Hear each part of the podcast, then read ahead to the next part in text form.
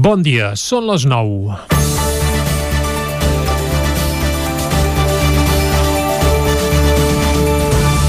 La lluita de l'exili comença a donar els seus fruits mentre en el marc del, mentre en el marc, volem dir, geogràfic i jurídic espanyol continua la repressió i la presó, a Europa lentament cada vegada hi ha més veus al costat de la causa catalana i sobretot més decisions jurídiques i judicials que també van en aquest sentit. La denúncia jurídica internacional sobre les violacions dels drets humans per part de l'estat espanyol, especialment dels drets de la minoria nacional catalana, va creixent i cada vegada ho fa de manera més sòlida. Després dels informes del grup de treball sobre la detenció arbitrària de l'ONU a finals de la setmana passada, va ser el Comitè d'Afers Legals i Drets Humans de l'Assemblea Parlamentària del Consell d'Europa qui va presentar les conclusions de l'informe que ha anat elaborant sobre la manera com l'estat espanyol i Turquia fan servir la justícia com a eina política contra catalans i curts, respectivament.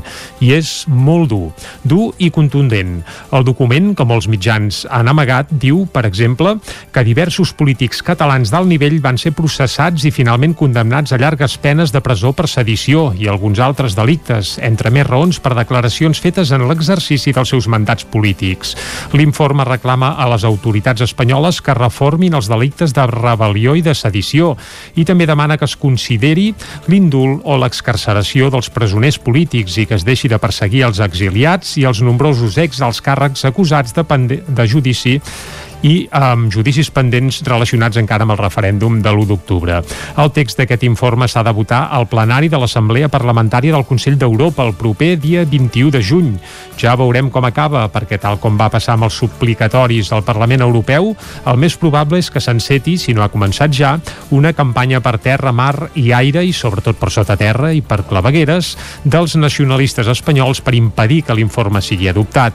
Però el cas és que ja ha estat aprovat oficialment pel comitè, per cert, amb 21 vots a favor i només 6 en contra. A això cal afegir-hi també la decisió del Tribunal de la Unió Europea per retornar la immunitat al president Puigdemont i als consellers Comín i Ponsatí, o pronunciaments com els d'Amnistia Internacional, Frontline Defenders, l'Organització Mundial contra la Tortura, l'Associació Internacional d'Advocats Demòcrates, International Trial Watch o el PEN Club Internacional. Cada vegada es veu més clar que el Tribunal Suprem espanyol quedarà desacreditat per incompetent, per jutjar els exiliats i fins i tot per haver jutjat i condemnat els presos polítics. I davant de tot plegat i d'aquest panorama, la pregunta és molt clara. Com respondrà el poble català? Què farem? Acceptarem passar pàgina i ens donarem per satisfets amb els presoners alliberats i els exiliats podent tornar a casa? O aprofitarem tot l'enrenou el dia que es pategui tot per d'una vegada per totes dir adeu definitivament a Espanya? La resposta, afortunadament, crec que no la té la classe política. La resposta la té el poble i aquesta vegada, espero, ja n'hauria ja n'hauríem d'haver après. Comença Territori 17, a la sintonia del 9 FM, Ona Codinenca, Ràdio Cardedeu, La Veu de Sant Joan i el Nou TV. Territori 17, amb Vicenç Vigues i Jordi Sunyer. Són les 9 i 3 minuts i mig del dilluns, dia 7 de juny de 2021. Comença ara mateix un nou Territori 17, que, com sempre, durant la primera hora avui us acostarà tota l'actualitat de les nostres comarques. Després, com que som dilluns, tindrem els solidaris amb Eloi Puigferrer, farem un repàs també a com els han anat els equips del nostre territori al cap de setmana, esportivament parlant, i acabarem fent tertúlia esportiva amb els nostres tertulians habituals. La Lliga s'ha acabat, però l'actualitat futbolística no cessa mai. Ho comprovarem això a la part final d'un programa que ara arrenca fent un repàs a l'actualitat de les nostres comarques, les comarques del Ripollès, Osona, el Moianès i el Vallès Oriental. Càritas Diocesana de Vic ha atès a més de 5.000 usuaris en l'any de la pandèmia. La crisi sanitària ha agreujat les dificultats econòmiques i d'habitatge de moltes persones i també ha fet arribar a l'entitat nous usuaris que fins ara mai havien fet ús dels serveis socials. La crisi del coronavirus ha fet augmentar al voltant d'un 30% la demanda de serveis socials. En l'últim any, la diòcesi de Vic ha atès a més de 5.000 usuaris i, segons les dades de la memòria anual que ha presentat l'entitat, la crisi ha impactat afectat amb més força a aquelles persones que ja tenien vulnerabilitats i especialment a les famílies monoparentals, persones migrades en situació irregular o a les persones que tenien una feina precària i que ara encara ho és més o l'han perduda. En l'últim any també s'ha incrementat el nombre d'usuaris que per primer cop fan ús del servei. El 58% dels usuaris tenen entre 30 i 64 anys i en el 76% dels casos provenen d'altres països. L'atur afecta el 55% de les persones ateses. Tot i això, segons l'entitat, el teixit industrial de la comarca podria haver frenat un augment més fort de casos en l'últim any. Fran Quirós és el secretari tècnic de Càritas Diocesana de Vic. Es considera que gran part del territori té un sector, diguéssim, industrial que ha estat considerat essencial, especialment pel tema de l'alimentació, no? la indústria alimentària. I això, diguéssim, ha sostingut aquesta, diguéssim, que no hi ha hagut aquest augment de persones com, com a millor inicialment esperàvem.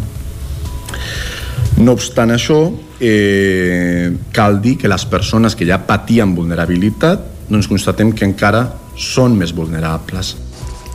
Des de l'entitat denuncien que les persones més vulnerables són les que més dificultats tenen per accedir a les ajudes. Rufí Cerdan és el director de Càritas Diocesana de Vic. Només el 14% de les famílies ateses per Càritas estan cobrant aquest ingrés. Hauria de ser segurament el 100% de les persones que tenem nosaltres, perquè encaixen perfectament en la condició de persones necessitades. Això sí, segurament el que no encaixen són en determinats requisits legals que posa la, la norma, com per exemple tenir una, un temps de residència acreditada, L'entitat també ha fet balanç dels programes d'acollida i acompanyament social on han donat cobertura a les necessitats bàsiques de 2.755 llars i s'ha facilitat el dret d'habitatge a 73 usuaris. El govern aprova ampliar l'àmbit territorial del Parc Natural del Montseny i també se'n reforçarà la protecció. L'ampliació ha de fer compatible la conservació del patrimoni amb l'aprofitament de recursos i activitats. El govern ha aprovat un decret que ampliarà el Parc Natural del Montseny i en reforçarà la protecció. A proposta del Departament d'Acció Climàtica, Alimentació i Agenda Rural, el Parc Natural del Massís del Montseny passarà a anomenar-se Parc Natural del Montseny, figura que permetrà, segons apunten des del Departament, reconèixer el seu gran valor i reforçar la seva protecció. A banda del decret, el decret comporta l'ampliació de l'àmbit territorial del parc, s'amplien espais del Pein del Montseny i els cingles del Bertí, se'n modifiquen les delimitacions. A més, el decret estableix un nou model de gestió del parc d'acord amb el consens assolit al territori durant el procés de participació associat a la redacció i tramitació del pla especial vigent entre 2008 i 2016. El decret compta també amb els informes del Consell de Protecció de la Natura i del Centre de la Propietat Forestal, cosa que compleix l'exigència sobre informes preceptius de la normativa sectorial en matèria d'espais naturals. El Parc Natural del Montseny, situat entre les demarcacions provincials de Barcelona i Girona, comprèn territoris de tres municipis de la comarca d'Osona, quatre de la Selva i 11 del Vallès Oriental. Els no empadronats a Camp de Bànol pagaran 5 euros d'ecotaxa per entrar al torrent de la cabana i l'aforament es limitarà a 300 persones. Isaac Muntades, des de la veu de Sant Joan. Des d'aquest dissabte, totes les persones que no estiguin empadronades a Camp de Bànol han de pagar una ecotaxa de 5 euros a la caseta del camí d'accés als Gorgs per entrar a l'espai natural del torrent de la cabana. Enguany, la gestió i l'entrada al torrent presenta alguns canvis respecte al 2020. L'any passat es va prohibir el bany i l'aforament estava limitat a 200 persones al dia que fossin de Camp de Bànol o que pernoctessin en algun dels seus establiments establiments turístics. Ara es podrà arribar fins a 300 visitants. Abans de la pandèmia l'aforament era d'entre 500 i 600 persones, però si l'Ajuntament veu que les restriccions es continuen suavitzant, arribaran als 400. Enguany tothom hi podrà entrar i els que pernoctin als establiments turístics de la vila només hauran de pagar 2 euros d'entrada. L'ecotaxa, que l'any passat no es va pagar, només s'abonarà els caps de setmana fins al 24 de juny. A partir de llavors, cada dia fins al 30 de setembre. Per poder fer front a l'arribada de visitants, també s'ha habilitat un aparcament d'unes 80 places a Estiu l'Aventura, just abans de la pujada cap al camí dels Corcs. Ara el consistori està fent el procés de contractació de tot el personal que s'ha d'encarregar de vetllar per l'espai, ja que com l'any passat la gestió la portarà a terme l'Ajuntament. Cal recordar que els anys 2018 i 2019 es va externalitzar la gestió a favor d'una empresa, però com que el mes de març hi havia molta incertesa no es va licitar. Dolors Costa, alcaldessa de Canadà, l'explicava per què són partidaris de l'externalització. La idea de l'Ajuntament, com sempre he dit, és quan la situació es normalitzi i tot torni a la normalitat que tots desitgem,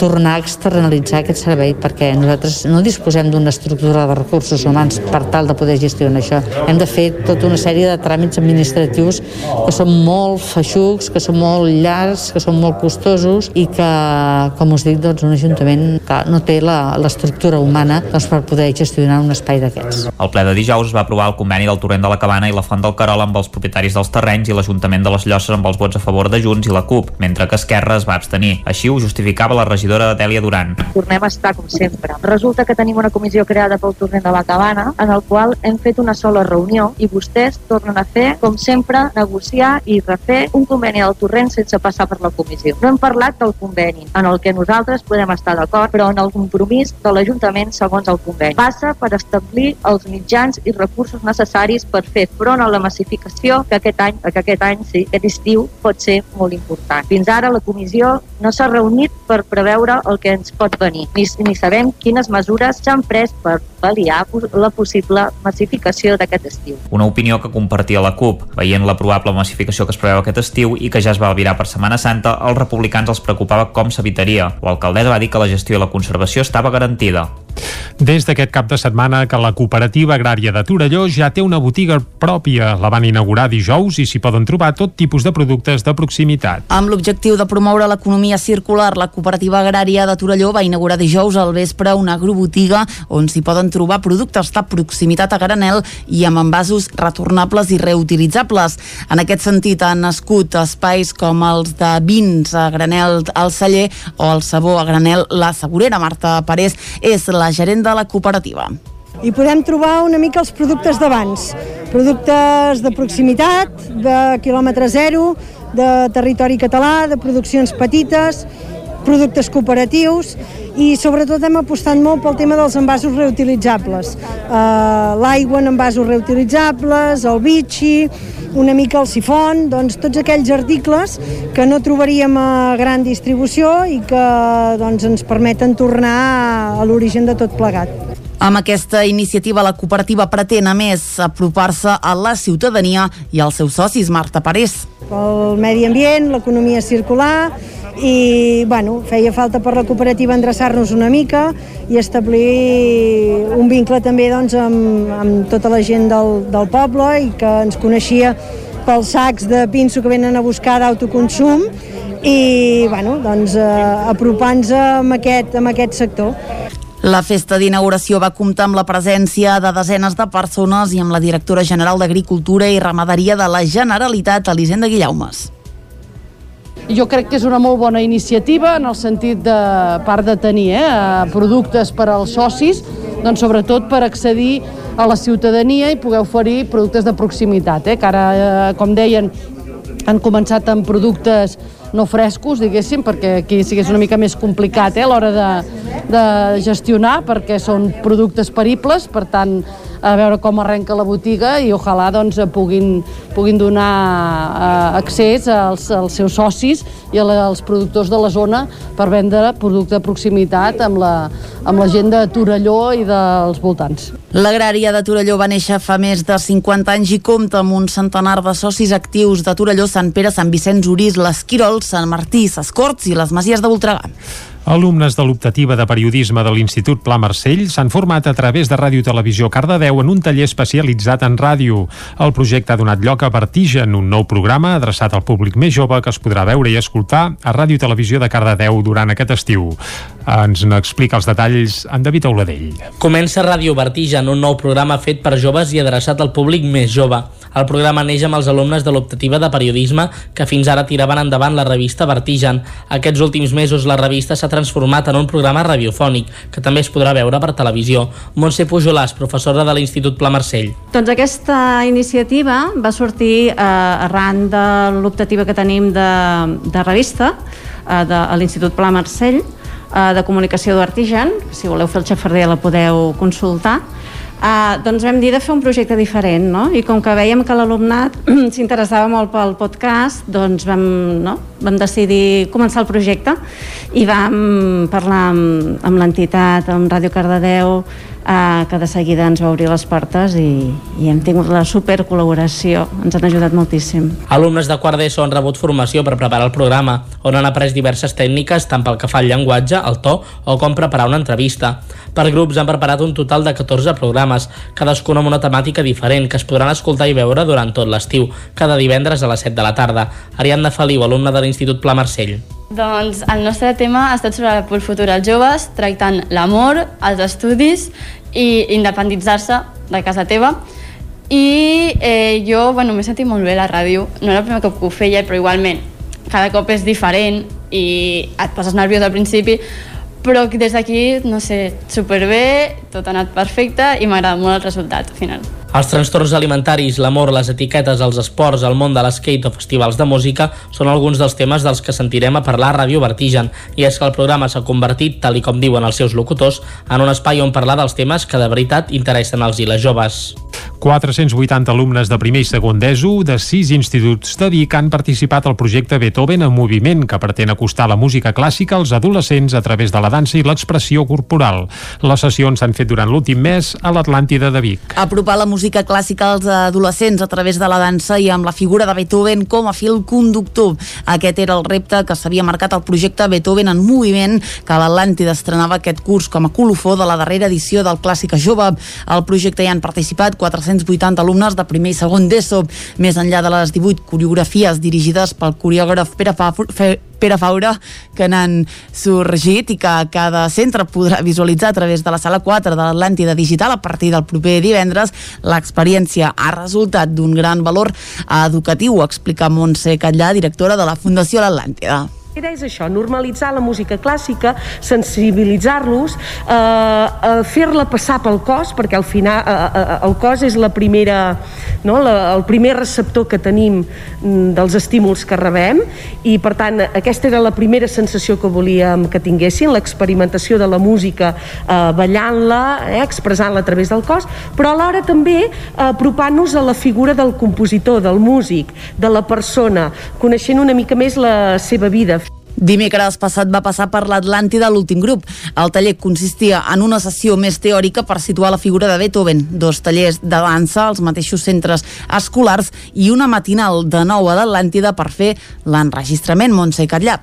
Hi havia interrogants, eh, ho hem de dir, o sigui, el repte era molt gran perquè no ens ho posàvem fàcil, no? parlàvem de música clàssica, que ja sabem que, eh, que té moltes connotacions molt mm, negatives o, diguem-ne, prejudicis socials, que si és elitista, que si és exclusivista, per tant, això era un primer repte, no forma part de la seva vida habitual.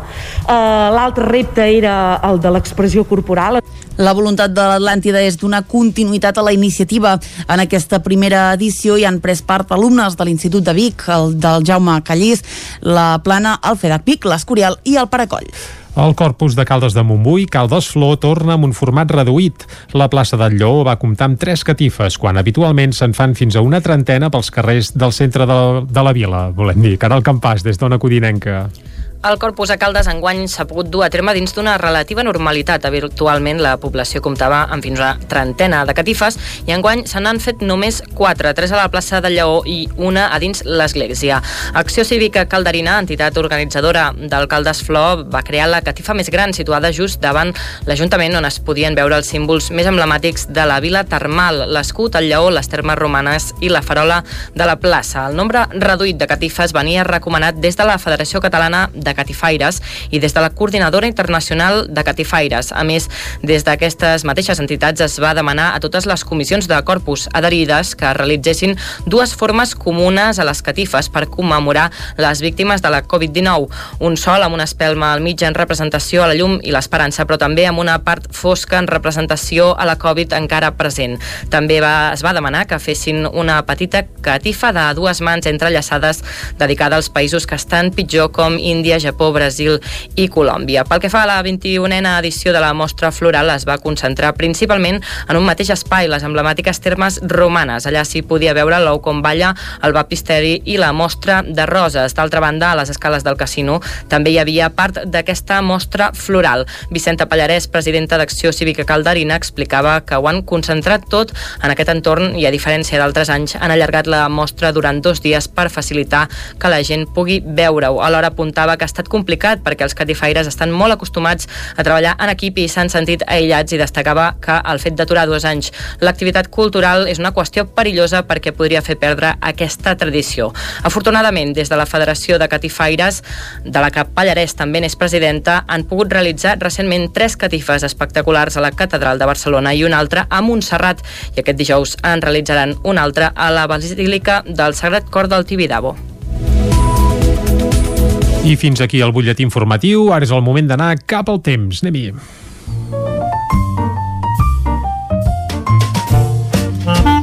Casa Terradellos us ofereix el temps. I a Territori 17, per parlar del temps, tenim en Pep Acosta, qui ja saludem. Bon dia, Pep.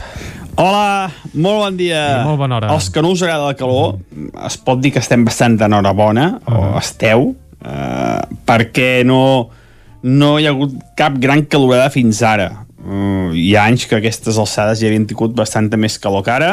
Les temperatures són bastant, bastant contingudes. Aquesta nit han baixat.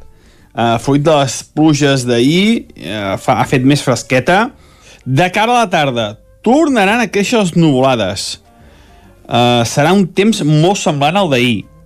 Però no sembla, no sembla que, que hi hagi tantes, uh, tantes tempestes, tanta precipitació i a tants llocs. Es concentraran sobretot cap al Prepirineu, cap a la comarca d'Osona i cap al Mollanès. Uh, tornaran a créixer les nuvolades aquí, a aquesta zona, Osona i Mollanès preferentment, i uh, les tempestes es passaran direcció sud. Uh, poden arribar una altra vegada fins al prelitoral. Però ja dic, no sembla ni de bon tros que tingui de ploure uh, tant com ahir. Una pluja que va anar magníficament bé en moltes zones la, la d'ahir, que això no ho he dit abans i, i ho ressalto, que hi ha moltes zones que hi havia molta sequera, superficial sobretot, eh? els pantans jo estem bé, però hi, hi havia bastanta sequera superficial i les tempestes ahir van anar molt bé per mitigar una mica aquesta, aquesta sequera. Doncs perdó, com deia, això, avui al matí fa sol, hi ha alguna boirina, però ja començarem a veure com creixen les nuvolades cap a les 3-4 de la tarda i poden deixar novament tempestes, sobretot Osona i Mollanès. Jo crec que en cap cas superarem els 10-15 litres. Uh, veurem, eh, perquè hi ha alguna, alguna tempesta que localment pot ser més important, però no es donen les circumstàncies com les d'ahir, que ahir, ahir sí que va ploure bastant més. Uh, les temperatures pujaran. Avui i demà tenim un petit, un petit tas d'estiu, diria jo, eh? Uh, temperatures pròximes als 30 graus a moltes zones de les nostres comarques. Farà calor avui i això, un dia de sol, de calor i acompanyat d'aquestes tempestes de tarda eh, tan típiques de, de les nostres contrades, dels nostres pobles i ciutats. I això és tot, a disfrutar de, del dia d'avui i a disfrutar d'aquest dilluns, del primer dilluns del mes de juny. Moltes gràcies, fins demà. Vinga, Adéu. gràcies a tu, Pep. Uh, salut i nosaltres ara anem ràpidament cap al quiosc. Casa Tarradellas us ha ofert aquest espai.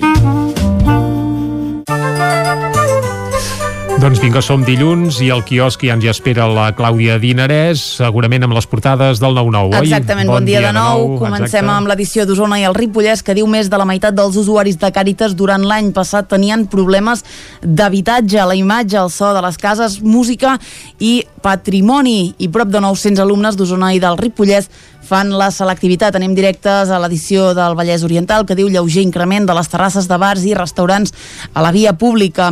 A la imatge, la mitja guanya a la pandèmia i un informe avalava el centre de menors de Llerona desestimat. Anem directe cap a Catalunya. Comencem pel punt avui que diu les entitats alerten d'un repunt dels desnonaments. La moratòria que els ha frenat durant la pandèmia s'acaba el dia 7 d'agost. El govern estudia el nou protocol que millori i actualitzi el de l'any 2013. A la imatge Fronteres tancades, França manté tancats diversos passos que connecten el Principat amb la Catalunya Nord i eines contra el cibercrim. És un altre dels titulars del punt avui. Anem al diari Ara que diu Catalunya s'obre al turisme amb més de 3 milions de vacunats. Avui es flexibilitzen les mesures per entrar a l'Estat i ja no és obligatòria una PCR negativa. L'ara resolen un dubte perquè la factura de la llum és un laberint i el preu ha pujat tant. Doncs haureu de llegir el diari ara. Anem al periòdico que diu 8 anys més d'hipoteca elèctrica la factura de la llum. A la imatge, la revolució del reciclatge, Sant Andreu es resisteix al nou model de recollida d'escombraries de Barcelona i Salvador Illa estrena el seu govern a l'ombra demanant l'ampliació del Prat. A l'avantguàrdia, Catalunya supera els 3 milions de vacunats amb una primera dosi cap mort les últimes 24 hores mentre millora el conjunt d'indicadors de la pandèmia. A la imatge, el públic torna a Montmeló i Illa designa un govern alternatiu per fiscalitzar de prop a Pere Aragonès. Anem ara a les portades que s'editen des de Madrid, Clàudia. Anem al país que diu la reforma de la llei Mordassa s'encalla per devolucions en calent. Europa renova el seu arsenal fiscal per la recuperació i a la imatge Kamala Harris aborda el repte migratori de Llatinoamèrica. Anem al Mundo que diu Sánchez imposarà els indults contra el 61% dels espanyols. Villarejo va registrar cites de càrrecs policials amb el sogre de Sánchez i Escrivà dona quatre mesos per pactar jubilacions anticipades sense penalitzar. Anem ràpidament a la raó que diu la majoria deslliga a Casado i culpa a Rajoy de la Kitchen. A la imatge esperança després de la pandèmia, els ingressats per Covid baixen a la meitat en només un mes i una acusació insta al jutge a reactivar la causa contra Gali. Acabem, com sempre, amb la portada de l'ABC que diu la gran empresa alerta del risc de politització de les, de les ajudes de la Unió Europea.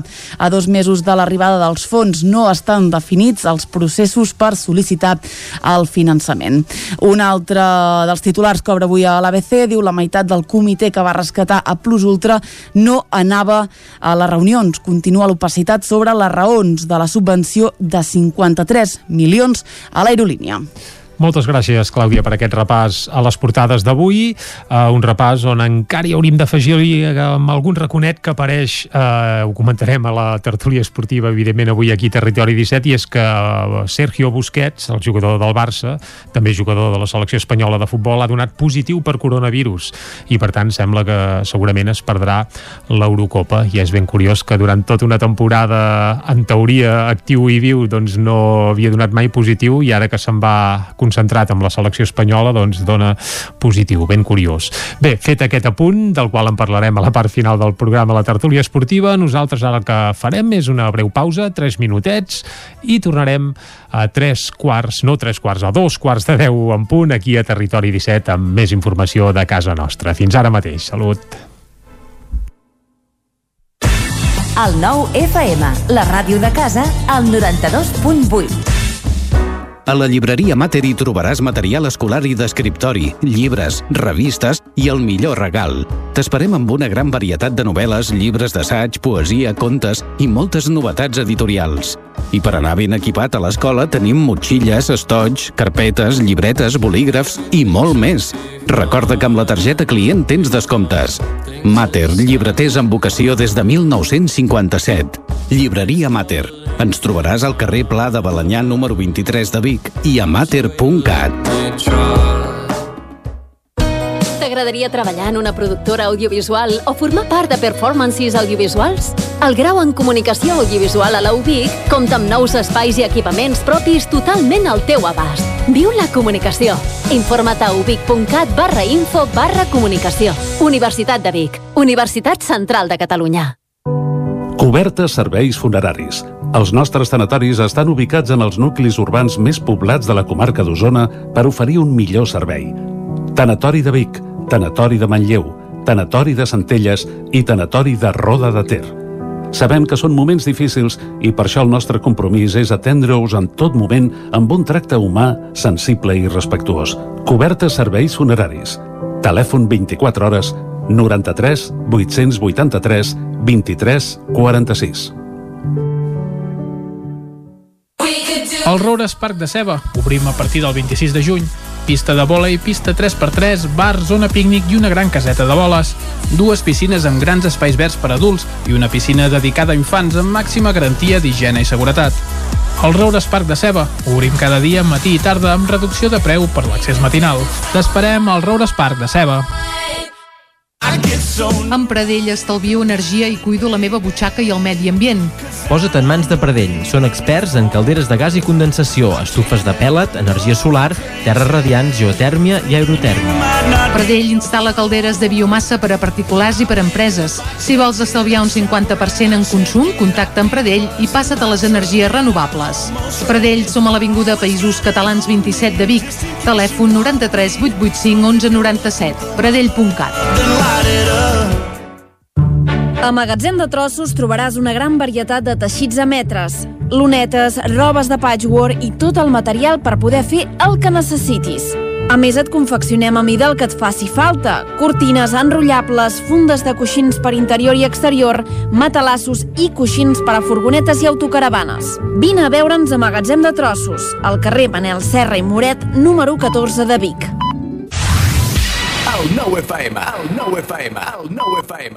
Territori 17, amb Vicenç Vigues i Jordi Sunyer.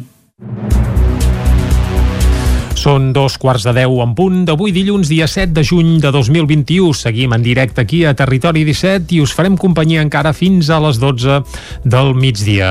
El que farem de seguida és acostar-vos de nou l'actualitat de casa nostra, de les nostres comarques, i ja us avancem que a partir de les 10 tindrem més informació, entrevista, avui conversarem amb l'alcalde de Sant Vicenç de Torelló i conseller comarcal també d'aigua, vaja, eh, de Congiac, eh, així és com es dirà la nova empresa d'aigua pública que vol impulsar el Consell Comarcal d'Osona, doncs parlarem amb l'alcalde de Sant Vicenç precisament de la municipalització de l'aigua que es vol fer això a Sant Vicenç de Torelló i els problemes que s'estan trobant molts municipis per fer aquest procés, ja que s'han trobat que les companyies actuals adjudicatàries els han portat als jutjats. D'això en conversarem a l'entrevista avui aquí a Territori 17 perquè és un cas eh, amb el qual s'han trobat molts municipis, no només usonencs, sinó d'arreu de Catalunya.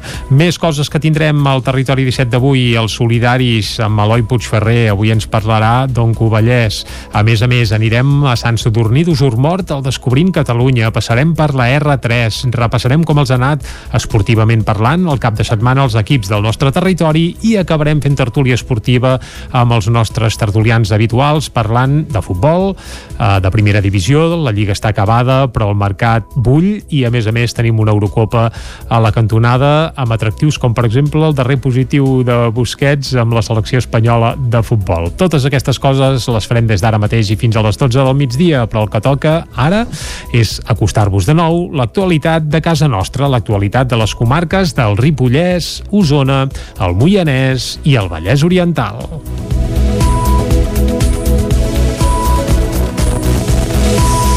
Cara, Càritas Diocesana de Vic ha atès a més de 5.000 usuaris en l'any de la pandèmia.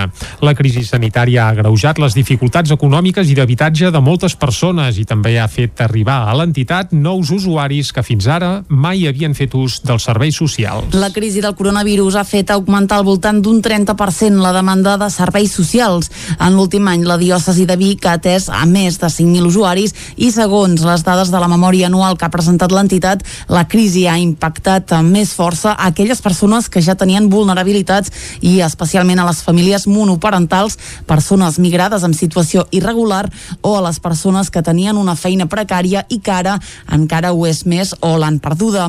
En l'últim any també s'ha incrementat el nombre d'usuaris que per primer cop fan ús del servei. El 58% dels usuaris tenen entre 30 i 64 anys i en el 76% dels casos provenen d'altres països. L'atur afecta el 55% de les persones ateses. Tot i això, segons l'entitat, el teixit industrial de la comarca podria haver frenat un augment més fort de casos en l'últim any. Fran Quirós és el secretari tècnic de Càritas Diocesana de Vic. Es considera que gran part del territori té un sector, diguéssim, industrial que ha estat considerat essencial, especialment pel tema de l'alimentació, no? la indústria alimentària. I això, diguéssim, ha sostingut aquesta, diguéssim, que no hi ha hagut aquest augment de persones com, com a millor inicialment esperava.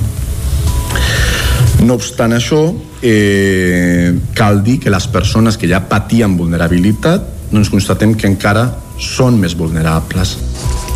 Des de l'entitat denuncien que les persones més vulnerables són les que més dificultats tenen per accedir a les ajudes. Rufí Cerdán és el director de Càritas Diocesana de Vic només el 14% de les famílies ateses per Càritas estan cobrant aquest ingrés.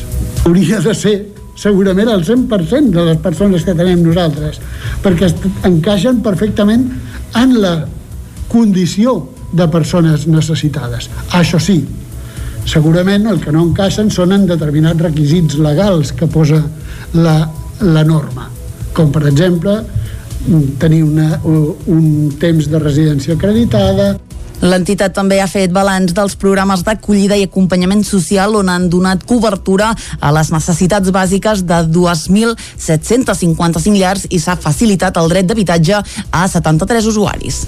El govern aprova ampliar l'àmbit territorial del Parc Natural del Montseny i també se'n reforçarà la protecció.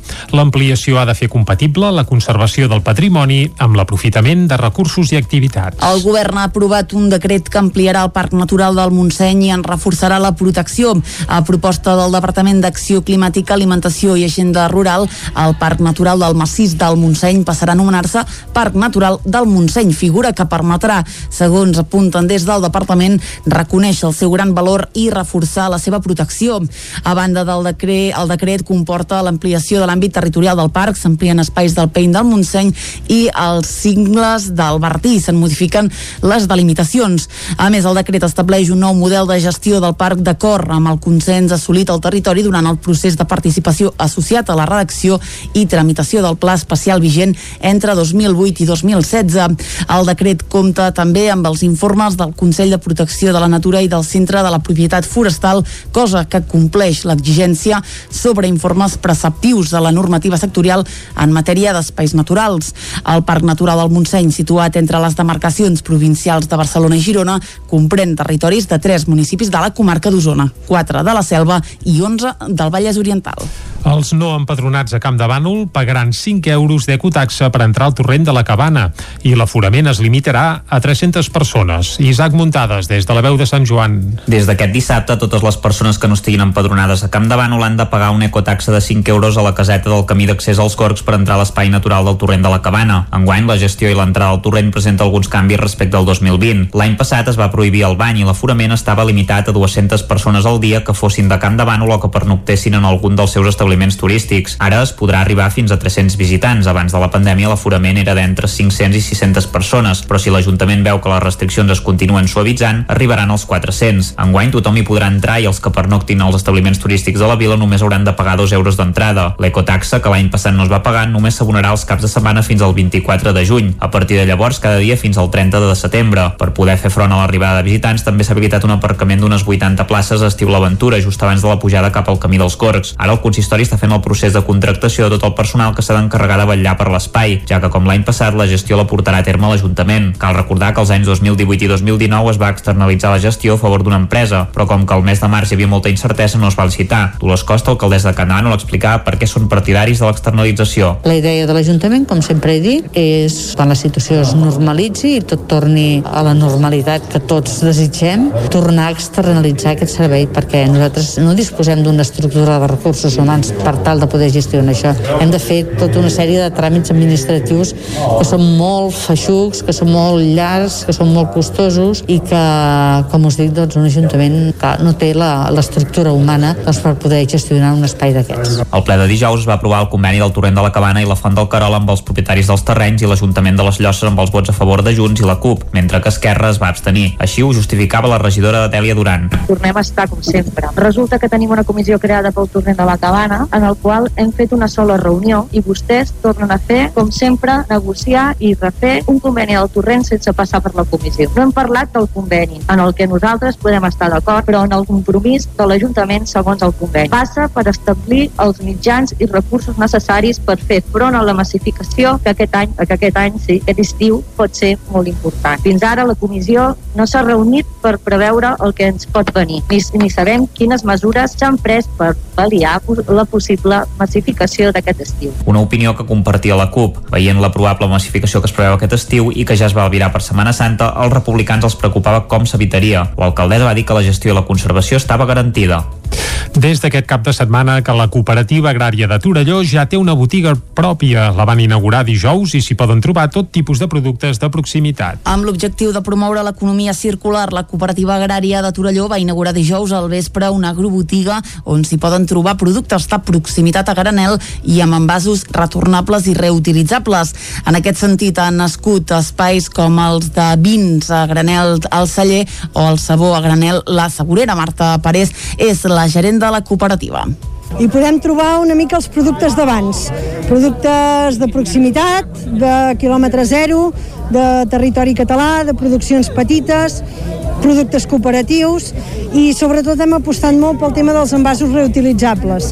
Uh, L'aigua en envasos reutilitzables, el bitxi, una mica el sifon, doncs tots aquells articles que no trobaríem a gran distribució i que doncs, ens permeten tornar a l'origen de tot plegat. Amb aquesta iniciativa, la cooperativa pretén, a més, apropar-se a la ciutadania i als seus socis, Marta Parés. El medi ambient, l'economia circular i, bueno, feia falta per la cooperativa endreçar-nos una mica i establir un vincle també doncs, amb, amb tota la gent del, del poble i que ens coneixia pels sacs de pinso que venen a buscar d'autoconsum i bueno, doncs, eh, apropant-nos amb, aquest, amb aquest sector. La festa d'inauguració va comptar amb la presència de desenes de persones i amb la directora general d'Agricultura i Ramaderia de la Generalitat, Elisenda Guillaumes.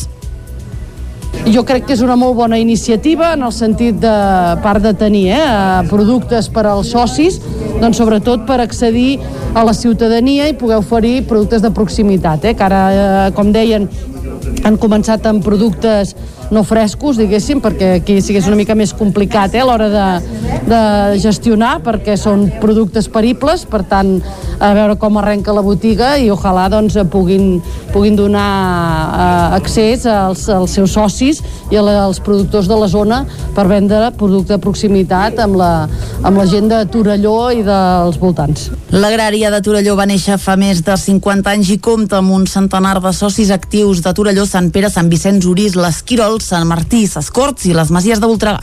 Alumnes de l'optativa de periodisme de l'Institut Pla Marcell s'han format a través de Ràdio Televisió Cardedeu en un taller especialitzat en ràdio. El projecte ha donat lloc a Vertigen, un nou programa adreçat al públic més jove que es podrà veure i escoltar a Ràdio Televisió de Cardedeu durant aquest estiu. Ens n'explica els detalls en David Auladell. Comença Ràdio Vertigen, un nou programa fet per joves i adreçat al públic més jove.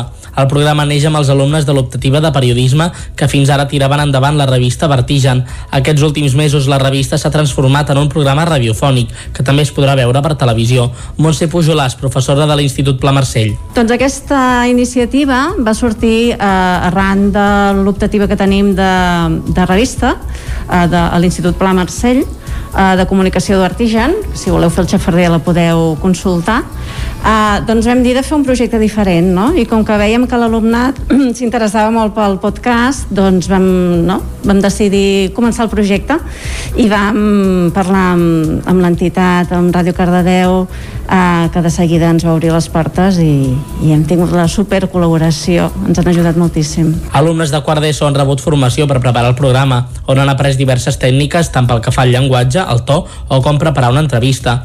Per grups han preparat un total de 14 programes, cadascun amb una temàtica diferent que es podran escoltar i veure durant tot l'estiu, cada divendres a les 7 de la tarda. Ariadna Feliu, alumna de l'Institut Pla Marcell. Doncs el nostre tema ha estat sobre el futur als joves, tractant l'amor, els estudis i independitzar-se de casa teva.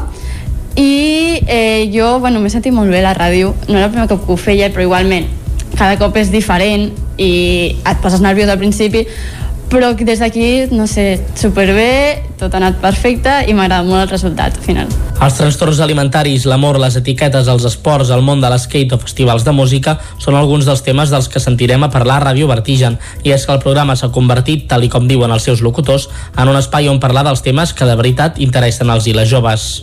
480 alumnes de primer i segon d'ESO de sis instituts de Vic han participat al projecte Beethoven en moviment que pretén acostar la música clàssica als adolescents a través de la dansa i l'expressió corporal. Les sessions s'han fet durant l'últim mes a l'Atlàntida de Vic. Apropar la música clàssica als adolescents a través de la dansa i amb la figura de Beethoven com a fil conductor. Aquest era el repte que s'havia marcat el projecte Beethoven en moviment que l'Atlàntida estrenava aquest curs com a colofó de la darrera edició del Clàssica Jove. Al projecte hi han participat 480 alumnes de primer i segon d'ESO, més enllà de les 18 coreografies dirigides pel coreògraf Pere, Pere Faura que n'han sorgit i que cada centre podrà visualitzar a través de la sala 4 de l'Atlàntida Digital a partir del proper divendres. L'experiència ha resultat d'un gran valor educatiu, explica Montse Catllà, directora de la Fundació L'Atlàntida. Idea és això, normalitzar la música clàssica, sensibilitzar-los, eh, eh, fer-la passar pel cos, perquè al final eh, eh, el cos és la primera, no, la, el primer receptor que tenim mm, dels estímuls que rebem i per tant aquesta era la primera sensació que volíem que tinguessin, l'experimentació de la música eh, ballant-la, eh, expressant-la a través del cos, però alhora també eh, apropant-nos a la figura del compositor, del músic, de la persona, coneixent una mica més la seva vida. Dimecres passat va passar per l'Atlàntida l'últim grup. El taller consistia en una sessió més teòrica per situar la figura de Beethoven, dos tallers de dansa als mateixos centres escolars i una matinal de nou a l'Atlàntida per fer l'enregistrament Montse Catllà. Hi havia interrogants, eh, ho hem de dir, o sigui, el repte era molt gran perquè no ens ho posàvem fàcil, no? Parlàvem de música clàssica, que ja sabem que, eh, que té moltes connotacions molt mm, negatives o, diguem-ne, prejudicis socials, que si és elitista, que si és exclusivista. Per tant, això era un primer repte, no forma part de la seva vida habitual. Eh, L'altre repte era el de l'expressió corporal. La voluntat de l'Atlàntida és donar continuïtat a la iniciativa. En aquesta primera edició hi han pres part alumnes de l'Institut de Vic, el del Jaume Callís, la Plana, el FEDAC Vic, l'Escorial i el Paracoll.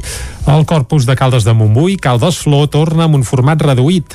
La plaça del Lleó va comptar amb tres catifes, quan habitualment se'n fan fins a una trentena pels carrers del centre de, de la vila, volem dir. Caral Campàs, des d'Ona Codinenca. El corpus a Caldes enguany s'ha pogut dur a terme dins d'una relativa normalitat. Habitualment la població comptava amb fins a trentena de catifes i enguany se n'han fet només quatre, tres a la plaça del Lleó i una a dins l'església. Acció Cívica Calderina, entitat organitzadora del Caldes Flor, va crear la catifa més gran situada just davant l'Ajuntament on es podien veure els símbols més emblemàtics de la vila termal, l'escut, el lleó, les termes romanes i la farola de la plaça. El nombre reduït de catifes venia recomanat des de la Federació Catalana de Catifaires i des de la Coordinadora Internacional de Catifaires. A més, des d'aquestes mateixes entitats es va demanar a totes les comissions de corpus adherides que realitzessin dues formes comunes a les catifes per commemorar les víctimes de la Covid-19. Un sol amb una espelma al mig en representació representació a la llum i l'esperança, però també amb una part fosca en representació a la Covid encara present. També va, es va demanar que fessin una petita catifa de dues mans entrellaçades dedicada als països que estan pitjor com Índia, Japó, Brasil i Colòmbia. Pel que fa a la 21a edició de la mostra floral es va concentrar principalment en un mateix espai, les emblemàtiques termes romanes. Allà s'hi podia veure l'ou com balla, el baptisteri i la mostra de roses. D'altra banda, a les escales del casino també hi havia part d'aquesta mostra floral. Vicenta Pallarès, presidenta d'Acció Cívica Calderina, explicava que ho han concentrat tot en aquest entorn i, a diferència d'altres anys, han allargat la mostra durant dos dies per facilitar que la gent pugui veure-ho. Alhora apuntava que ha estat complicat perquè els catifaires estan molt acostumats a treballar en equip i s'han sentit aïllats i destacava que el fet d'aturar dos anys l'activitat cultural és una qüestió perillosa perquè podria fer perdre aquesta tradició. Afortunadament, des de la Federació de Catifaires, de la que Pallarès també n'és presidenta, han pogut realitzar recentment tres catifes espectaculars a la Catedral de Barcelona i una altra a Montserrat i aquest dijous en realitzaran una altra a la Basílica del Sagrat Cor del Tibidabo.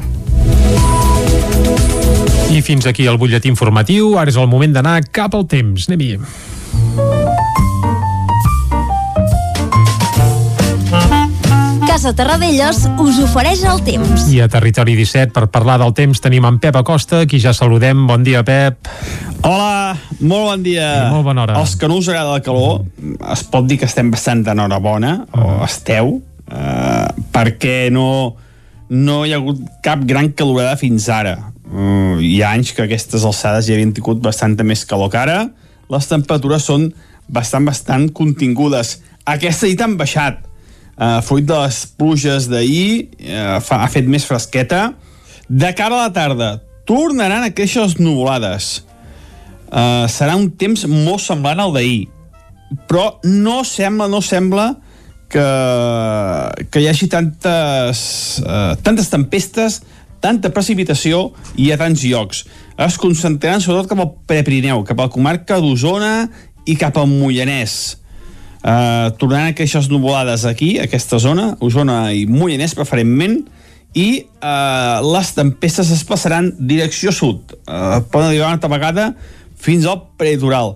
Però ja dic, no sembla ni de bon tros que tingui de ploure uh, tant com ahir. Una pluja que va anar magníficament bé en moltes zones la, la d'ahir, que això no ho he dit abans i, i ho ressalto, que hi ha moltes zones que hi havia molta sequera, superficial sobretot, eh? els pantans jo estem bé, però hi, havia bastanta sequera superficial i les tempestes ahir van anar molt bé per mitigar una mica aquesta, aquesta sequera. Doncs perdó, com deia, això, avui al matí fa sol, hi ha alguna boirina, però ja començarem a veure com creixen les nuvolades cap a les 3-4 de la tarda i poden deixar novament tempestes, sobretot Osona i Mollanès jo crec que eh, en cap cas superarem els 10-15 litres. Uh, veurem, eh, perquè hi ha alguna, alguna peça que localment pot ser més important, però no es donen les circumstàncies com les d'ahir, que ahir, ahir sí que va ploure bastant més. Uh, les temperatures pujaran. Avui i demà tenim un petit, un petit tas d'estiu, diria jo, eh? Uh, temperatures pròximes als 30 graus a moltes zones de les nostres comarques. Farà calor avui, i això, un dia de sol, de calor i acompanyat d'aquestes tempestes de tarda eh, tan típiques de, de les nostres contrades, dels nostres pobles i ciutats. I això és tot, a disfrutar de, del dia d'avui i a disfrutar d'aquest dilluns, del primer dilluns del mes de juny. Moltes gràcies, fins demà. Vinga, Adéu. Gràcies a tu, Pep. Uh, salut i nosaltres ara anem ràpidament cap al quiosc. Casa Tarradellas us ha ofert aquest espai. Doncs vinga, som dilluns i al quiosc ja ens hi espera la Clàudia Dinarès, segurament amb les portades del 9-9, oi? Exactament, bon, bon dia, dia de nou. nou. Comencem exacte. amb l'edició d'Osona i el Ripollès, que diu més de la meitat dels usuaris de Càritas durant l'any passat tenien problemes d'habitatge, la imatge, el so de les cases, música i patrimoni. I prop de 900 alumnes d'Osona i del Ripollès fan la selectivitat. Anem directes a l'edició del Vallès Oriental que diu lleuger increment de les terrasses de bars i restaurants a la via pública. A la imatge, la mitja guanya a la pandèmia i un informe avalava el centre de menors de Llerona desestimat. Anem directe cap a Catalunya. Comencem pel punt avui que diu les entitats alerten d'un repunt dels desnonaments. La moratòria que els ha frenat durant la pandèmia s'acaba el dia 7 d'agost. El govern estudia el nou protocol que millori i actualitzi el de l'any 2013.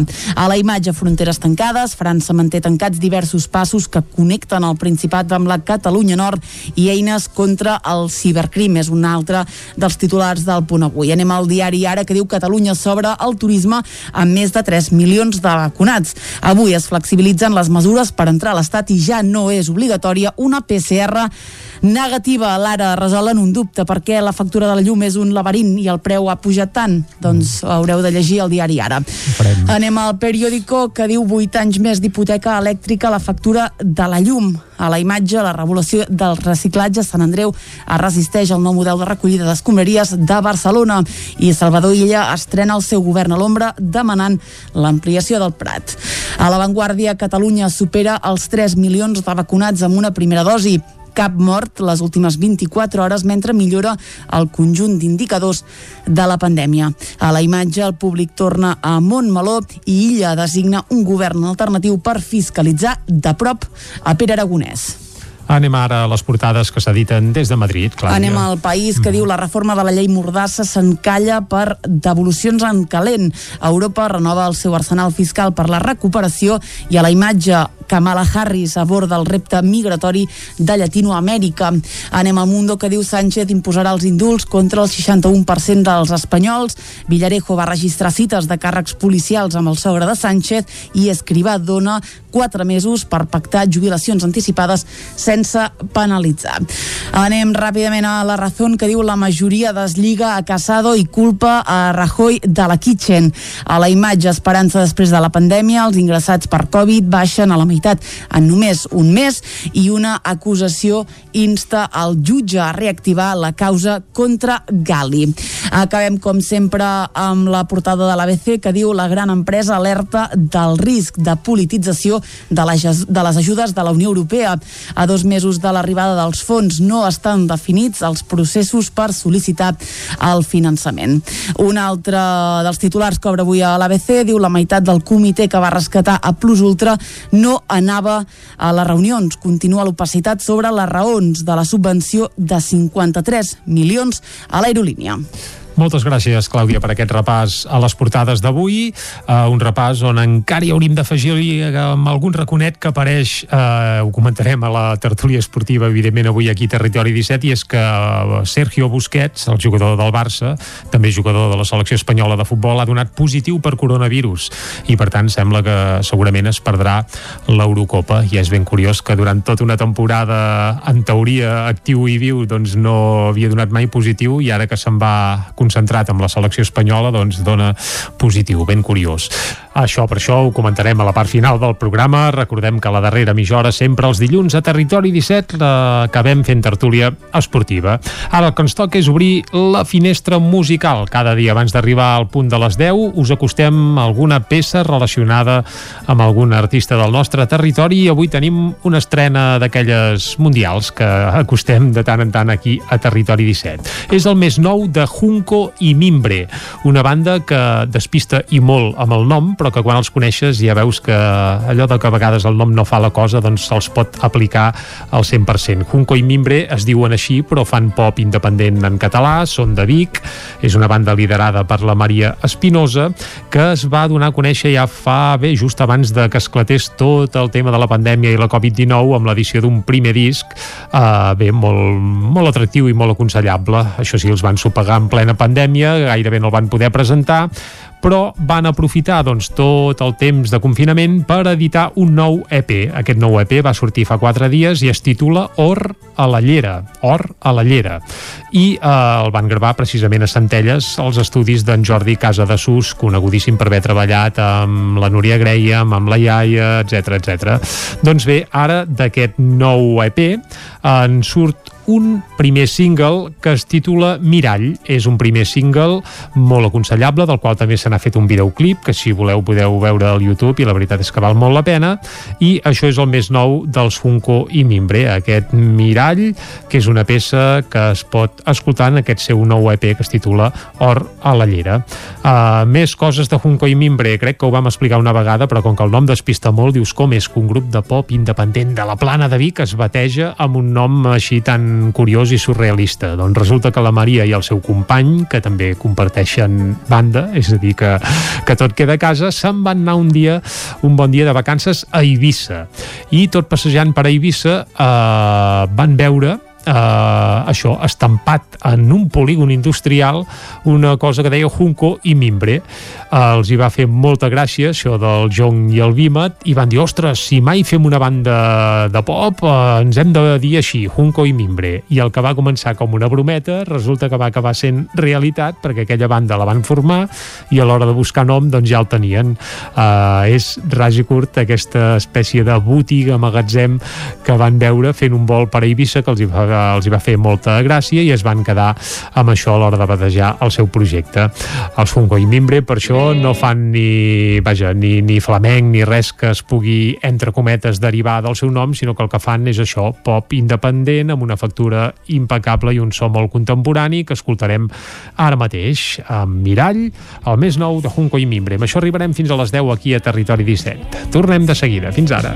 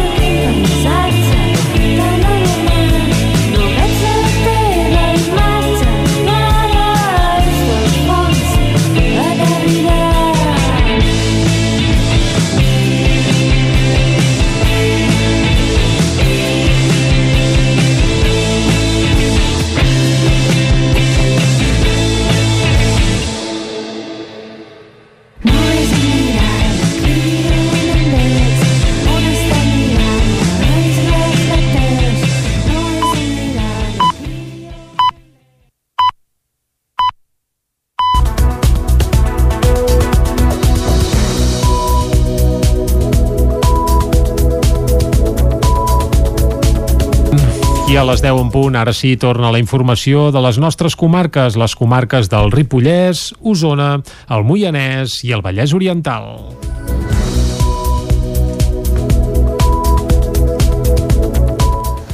Cop important contra el cultiu de marihuana a la comarca d'Osona. En només dos dies, els Mossos d'Esquadra van desmantellar dues plantacions de gran envergadura.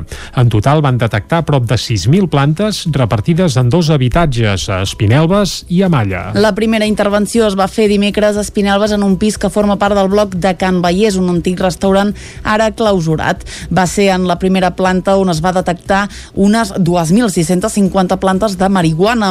La troballa a Espinelves hauria permès estirar al fil de la presumpta xarxa de cultiu de marihuana i dijous al matí es va fer una segona entrada en una masia de Malla on es va localitzar 2.800 plantes més en un habitatge situat entre la zona dels estudis i la caseta de la Creu Roja i ben propera al lateral de la C-17. En aquesta operació la policia catalana va detenir un veí de Manlleu de 44 anys. Llinars del Vallès es declara municipi feminista a partir d'una moció presentada per Esquerra Republicana. La resta de partits hi van donar suport, però a l'hora de la votació, el regidor de Ciutadans es va abstenir. David Oladell, de Ràdio Televisió, Cardedeu. La moció per a declarar Llinars poble feminista la va presentar el partit que actualment es troba a l'equip de govern, Esquerra. La resta de partits, PSC, Junts i Mall, van votar-hi a favor també i van declarar que és una moció necessària en el dia a dia de la lluita per la igualtat entre homes i dones. Ciutadans, que va donar suport en el moment de la intervenció, es va abstenir a la votació. N'escoltem el regidor Francisco José Casero. Eh, lo que llevamos de año ya ha habido no sé cuántas mujeres muertas. Eh. Creo que parte de lo que podamos hacer nosotros los ayuntamientos o lo que sea, tienen que poner todos los estamentos eh, las pilas y concienciarse y, realmente querer acabar con el problema. Que yo creo que sí, hay momentos que quieren acabar, pero siempre se acaba, bueno, ya sabes si eso. No, no. O manos a la obra, porque si no, esto serà la lacra del segle XXI. La moció acordava que assumessin el decàleg de poblacions feministes creat al Baix Llobregat, implementar les mesures progressivament amb recursos, adherir-se a la Carta Europea per la Igualtat, fer visible el compromís municipal al suport del moviment i treballar per la universalització dels serveis públics de cures. També proposa que l'Ajuntament no contracti empreses amb escletxa salarial entre homes i dones i sobretot en sectors feminitzats. També s'hi inclou en el text el col·lectiu LGTBI. A més, la regidora del Mall, Fidela Frutós, va instar els partits a incloure quatre acords més. Que hi hagi un compromís per part dels partits polítics de Llinars que les properes eleccions municipals tots tindran una cap de llista. És una proposta que fem. Que el que queda de legislatura, les regidores d'Esquerra Republicana, que estan en el govern, assoleixin les regidories que encapçalen habitualment els homes. Tercera proposta és que tots els temes que es duguin a ple i tinguin a veure amb les responsabilitats delegades de les regidores siguin aquestes la que defensin el, el tema. Un dels altres punts destacats del ple va ser l'aprovació de l'adhesió al manifest contra la judicialització de la gestió pública de l'aigua.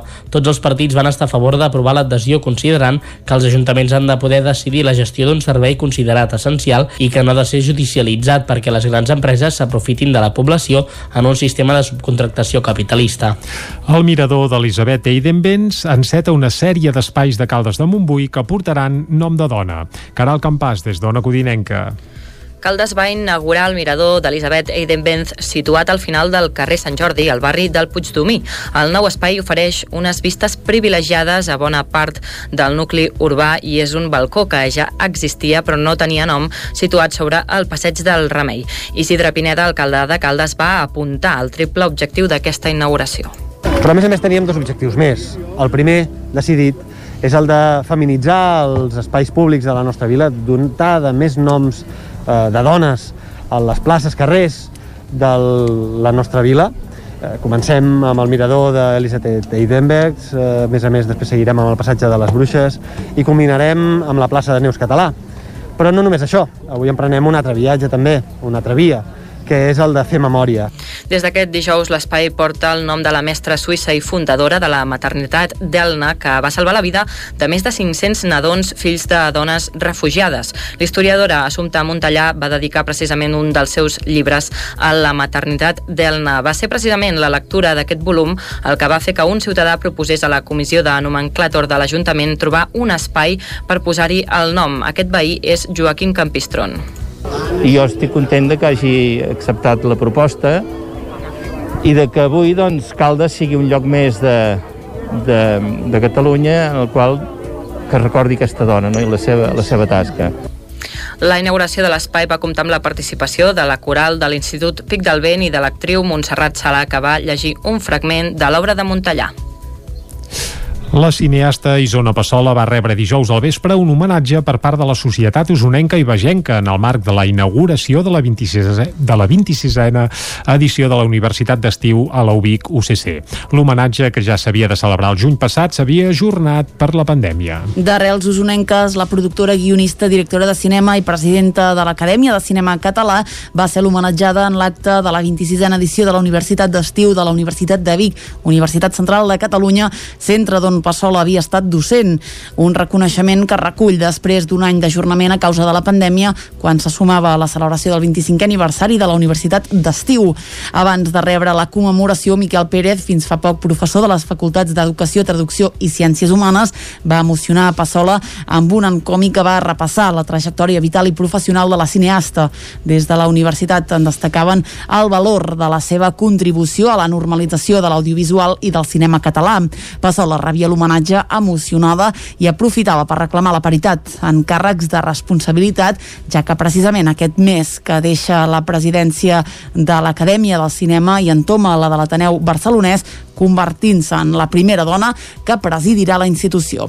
Aparentment els homenatges es fan quan un es jubila o ja no tira i en canvi em prenc aquesta festa que em dediqueu i que us agraeixo com un bon punt de partida des de la ciutat de Vic que estimo molt en un moment d'inici d'una nova etapa que se m'obre plena d'expectatives, alegries i conforts humans i intel·lectuals que quan van junts són un just, són molt gust i que tot just enceto.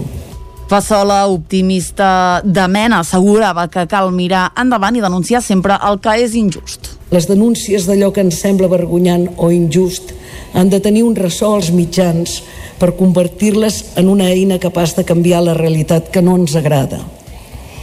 Gràcies, estimats exalumnes, per la vostra lliçó. De llavors ençà no he parat de fer-ho.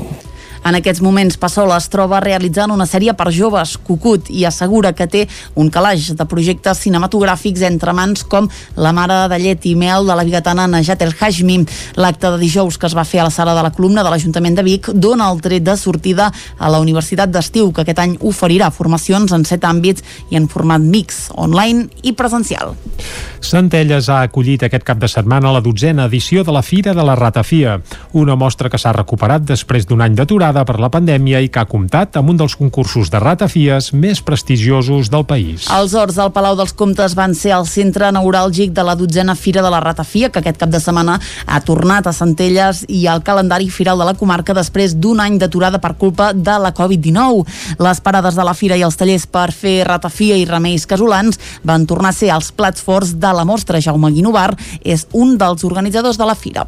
Intentem mantenir els tallers de, de ratafia que tenien molt èxit i a més a més hi hem volgut donar un to d'utilització també de les plantes remeieres i així doncs hem introduït alguns tallers de remeis casolans com doncs xarop de pinya, l'oli de cop i també doncs eh, esprit de vi de romaní la fira arriba en un moment important per la producció de la ratafia, ja que és durant el juny quan els productors casolans recullen les herbes per fer el licor. Josep Paré és l'alcalde de Centelles. És un producte que va lligat al solstici d'estiu.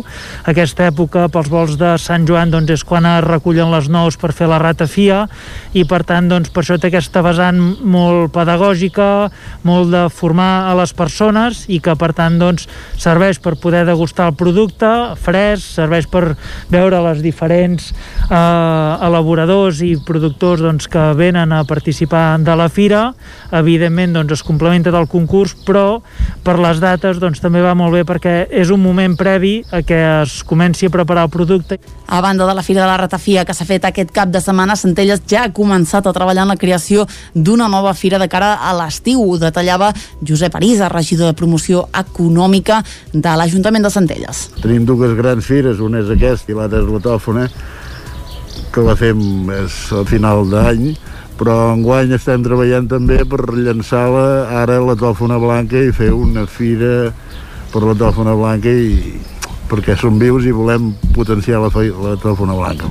Aquesta nova mostra pretén ajudar a continuar potenciant els productes locals i de proximitat.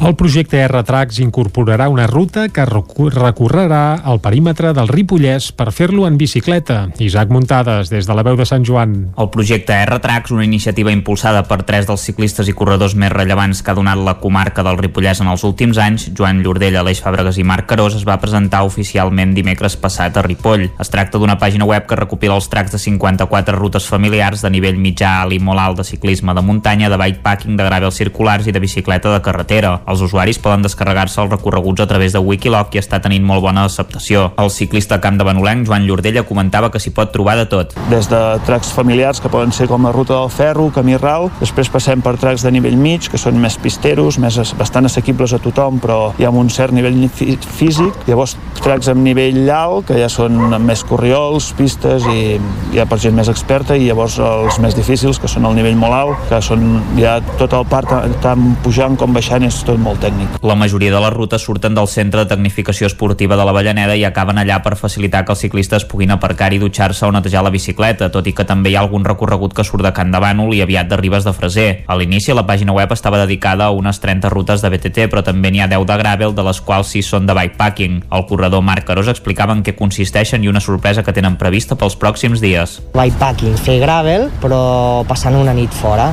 Ah, llavors vas més carregat, amb bosses, i bueno, d'aquí anar a la platja platja i l'endemà tornar, dormir allà i tot això fer-ho a través de pistes i, i carreteres secundàries, intentar evitar al màxim carreteres principals. Llavors, dintre de tot això, com que aquí al Ripollès també està pujant una miqueta això del gravel, tot i que el terreny del Ripollès no és molt, molt, molt gravelístic, diguem, és un gravel una mica adaptat pel tema dels nivells i corriols, doncs el dia 10 tenim pensat, el 10 de juny, fer la volta al Ripollès, junt, hem, hem creat un track, la coneixem, coneixem més o menys el territori, hem fet una volta, la volta al Ripollès, amb gravel. I, bueno, és una volta llarga, sortiran quasi bé 200 quilòmetres, amb bastant de desnivell. Aquesta volta la faran en petit comitè i després penjaran el track perquè tothom qui ho vulgui pugui seguir-la. D'altra banda, recentment s'han incorporat 8 rutes de ciclisme de carretera d'entre 40 i 170 quilòmetres força dures on es pujaran clàssics com Vallter 2000, la Collada de Toses o el Collet de les Barraques. Aleix Fàbregas apuntava les claus d'aquests recorreguts. Que volta algun tros per Osona,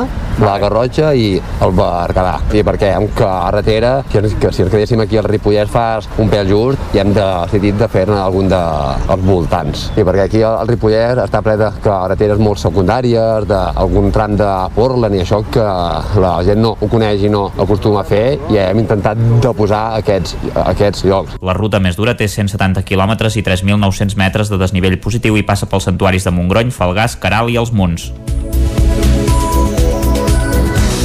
I fins aquí el butlletí informatiu de les 10 del matí que us hem ofert amb Clàudia Dinarès, David Auladell, Caral Campàs i Isaac Muntades. I ara, abans d'anar cap a l'entrevista, farem una nova ullada a la situació meteorològica. Anem-hi.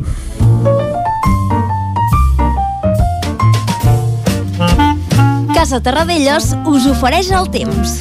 I per saber el temps que ens espera per avui, saludem en Pep Acosta altra vegada. Bon dia de nou, Pep. Hola, molt bon dia. I molt bona hora. Els que no us agrada la calor, uh, es pot jo. dir que estem bastant d'enhorabona, o esteu. Mm. Gràcies. Uh, perquè no, no hi ha hagut cap gran calorada fins ara. Mhm. Uh, hi ha anys que aquestes alçades ja havien tingut bastanta més calor que ara.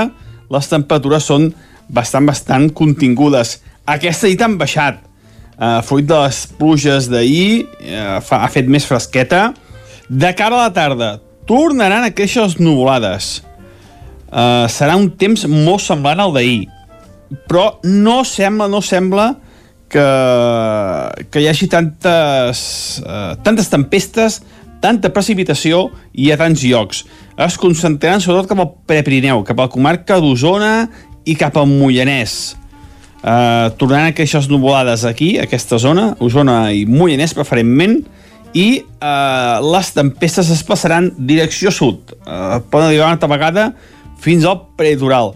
Però ja dic, no sembla ni de bon tros que tingui de ploure eh, tant com ahir. Una pluja que va anar magníficament bé en moltes zones la, la d'ahir, que això no ho he dit abans i, i ho ressalto, que hi ha moltes zones que hi havia molta sequera superficial sobretot, eh? els pantans jo estem bé però hi havia bastanta sequera superficial i les tempestes ahir van anar molt bé per mitigar una mica aquesta, aquesta sequera. Doncs perdó, com deia, això, avui al matí fa sol, hi ha una boirina, però ja començarem a veure com creixen les nuvolades cap a les 3-4 de la tarda i poden deixar novament tempestes, sobretot Osona i Mollanès. Jo crec que eh, en cap cas superarem els 10-15 litres. Uh, veurem, eh, perquè hi ha alguna, alguna tempesta que localment pot ser més important, però no es donen les circumstàncies com les d'ahir, que ahir, ahir sí que va ploure bastant més. Uh, les temperatures pujaran. Avui i demà tenim un petit, un petit tas d'estiu, diria jo. Eh? Uh, temperatures pròximes als 30 graus a moltes zones de les nostres comarques. Farà calor avui i això, un dia de sol, de calor i acompanyat d'aquestes tempestes de tarda eh, tan típiques de, de les nostres contrades, dels nostres pobles i ciutats. I això és tot, a disfrutar de, del dia d'avui i a disfrutar d'aquest dilluns, del primer dilluns del mes de juny. Moltes gràcies, fins demà, adeu. Vinga, moltes gràcies a tu, Pep. Ara nosaltres anem cap a l'entrevista. Casa Tarradellas us ha ofert aquest espai.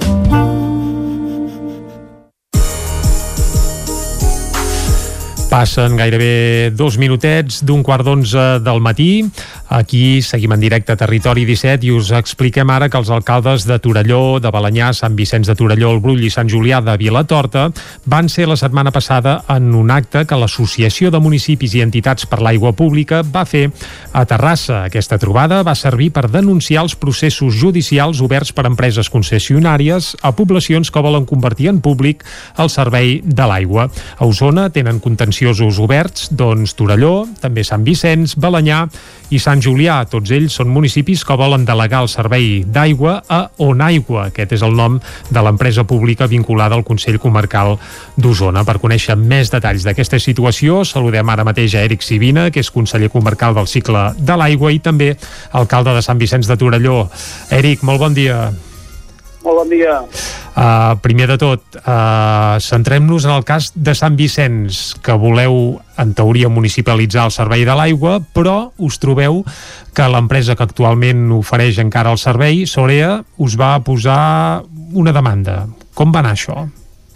Doncs bé, a Sant Vicent de Torelló teníem una, una concessió eh, amb l'empresa Sorea, amb uh -huh. la gestió de, de l'aigua en baixa. Aquesta, aquesta concessió eh, era de 10 anys, eh, 10 anys que s'havien de fer, més 10 anys prorrogable, per tant, eh, obria una finestra de 20 anys, però els 10 anys ja s'havien complet l'any 2018. Uh -huh. i per tant, eh, arribat a aquest punt doncs es va fer eh, dins del municipi doncs, un, no? una, una mica de, de, de pensar aviam com, havíem, com, com s'havia de gestionar l'aigua eh, per al futur eh, al nostre municipi i a, a, a través de la Comissió de Medi Ambient i a, a través de diferents doncs, entitats del municipi la decisió, i a més a més perquè nosaltres ho creiem així, doncs la decisió va ser eh, fer una gestió pública de, de l'aigua no? al nostre municipi. Eh, aquí podíem haver decidit doncs, diferents fórmules, eh, fer un concurs nou, eh, que en aquest cas no perquè doncs, a la gestió pública no entra per passar per concurs, fer-la fer, directament nosaltres mateixos, o demanar al Consell Comarcal que prestés aquest servei.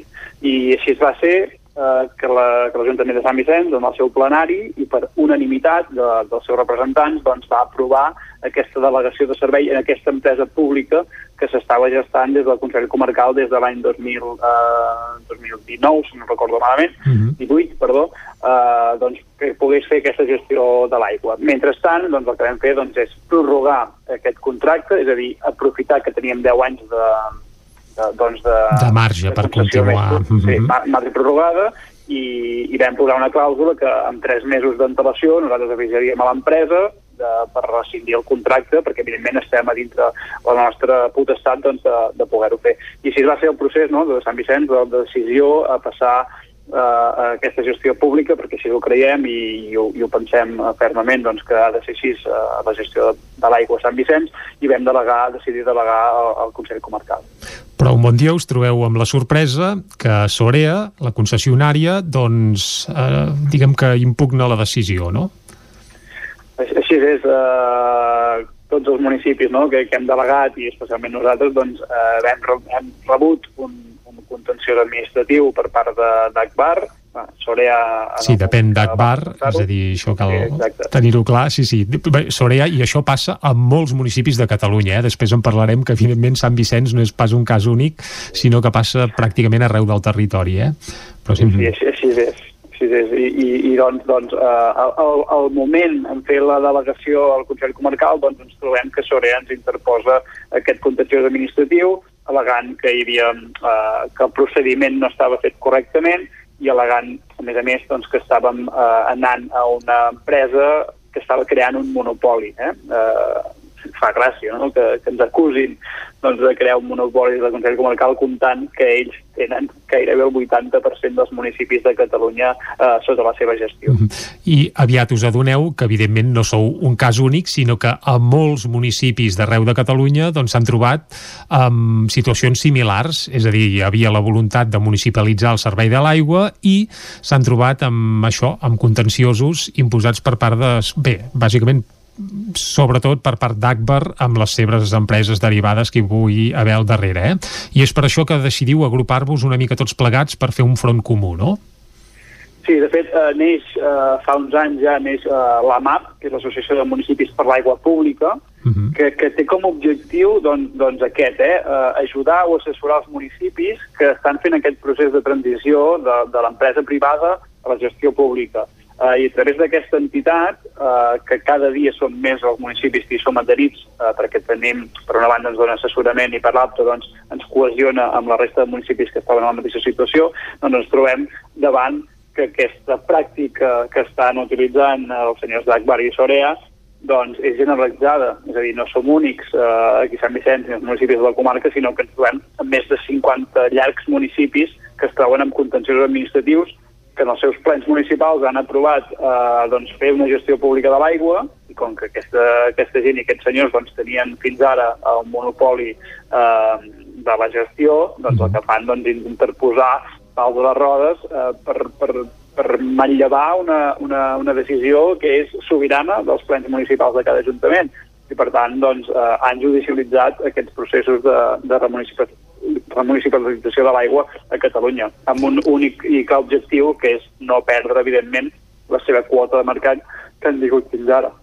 I mentrestant obliguen els municipis doncs, a, bé, a destinar diners per defensar-se als tribunals, és a dir que en el fons, per molt que que al final dels processos la raó acabi sent dels municipis, que ja es veurà com, es, com acaba tot plegat, doncs de moment qui paga en el fons és de nou el consumidor. Mm -hmm. És així, és així. Uh, tots aquests contenciosos, doncs, què suposa? Suposen temps, esforços i recursos econòmics. Recursos mm. econòmics que no podem deixar de recordar que procedeixen de, dels impostos que paguen els vilatans i vilatanes de cada municipi. Per tant, eh, i a més a més, no, ens trobem que a sobre doncs, hem de continuar amb, amb la gestió amb aquesta gent eh, comptant que ens estan interposant tots aquests recursos.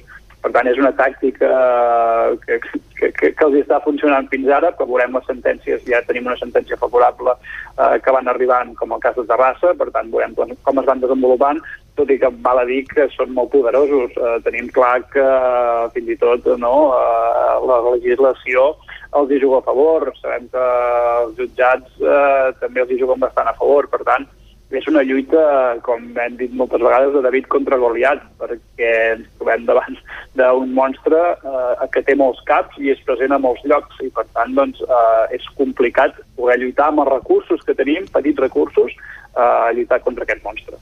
Uh, la pregunta és obligada. En el cas, per exemple, de Sant Vicenç, com creu que pot acabar aquesta judicialització de l'aigua? És a dir, per on aniran els trets i pel que fa a calendari, quan s'ha de resoldre tot plegat? En el cas de Sant Vicenç nosaltres tenim claríssim que, que la cosa fallarà a favor nostre perquè no pot fallar d'una altra manera. És a dir, nosaltres tenim una pròrroga de fins a 10 anys uh -huh. però que en el moment que nosaltres decidim la podem rescindir, només faltaria, és autonomia municipal. Per tant, tenim clar que, que aquesta batalla, en el cas de Sant Vicenç, la guanyarem, perquè així també ens ho, ens ho diuen uh, tots els nostres experts i tècnics que porten aquest cas.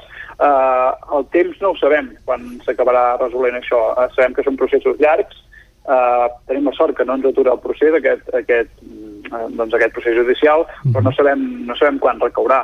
Eh, el que fan és, és impedir posar traves eh, i visualitzar que, ei, eh, un toc d'atenció a la resta de municipis doncs, que, que volen fer aquest procés de dir, dir escolta, mm, si empreneu aquest camí, i veu conseqüències, us costarà diners, us costarà eh, hores, temps, esforç, i per tant penseu-vos penseu dues vegades abans d'emprendre aquest camí. Per tant, eh, una mica no, som el, el, el cap d'estella que, que, que utilitzen com per, per ensenyar les dents respecte als altres municipis que volen fer aquest camí. Mm -hmm. uh, Eric Sivina, a part de ser alcalde de Sant Vicenç, ja ho hem dit, és també conseller comarcal del cicle de l'aigua i és per això que abans d'acabat volem demanar precisament per On Aigua, que és el nom d'aquesta empresa pública vinculada al Consell Comarcal, que no sé quan acabarà d'arrencar, quan serà ja al 100% eh, una realitat l'empresa pública per gestionar l'aigua en el cas de, això, de la comarca d'Osona? Doncs bé, estem en el procés, ara fa uns mesos que ja tenim gerent, per tant ja tenim la persona que lidera aquest projecte i que es desenvolupa tot aquest projecte, sí que si bé és cert que ja estava treballat fins ara, aquesta persona és la que tirarà endavant tot el tema de contractació, tot el tema eh, sigui, de, de l'estructura de, de l'empresa.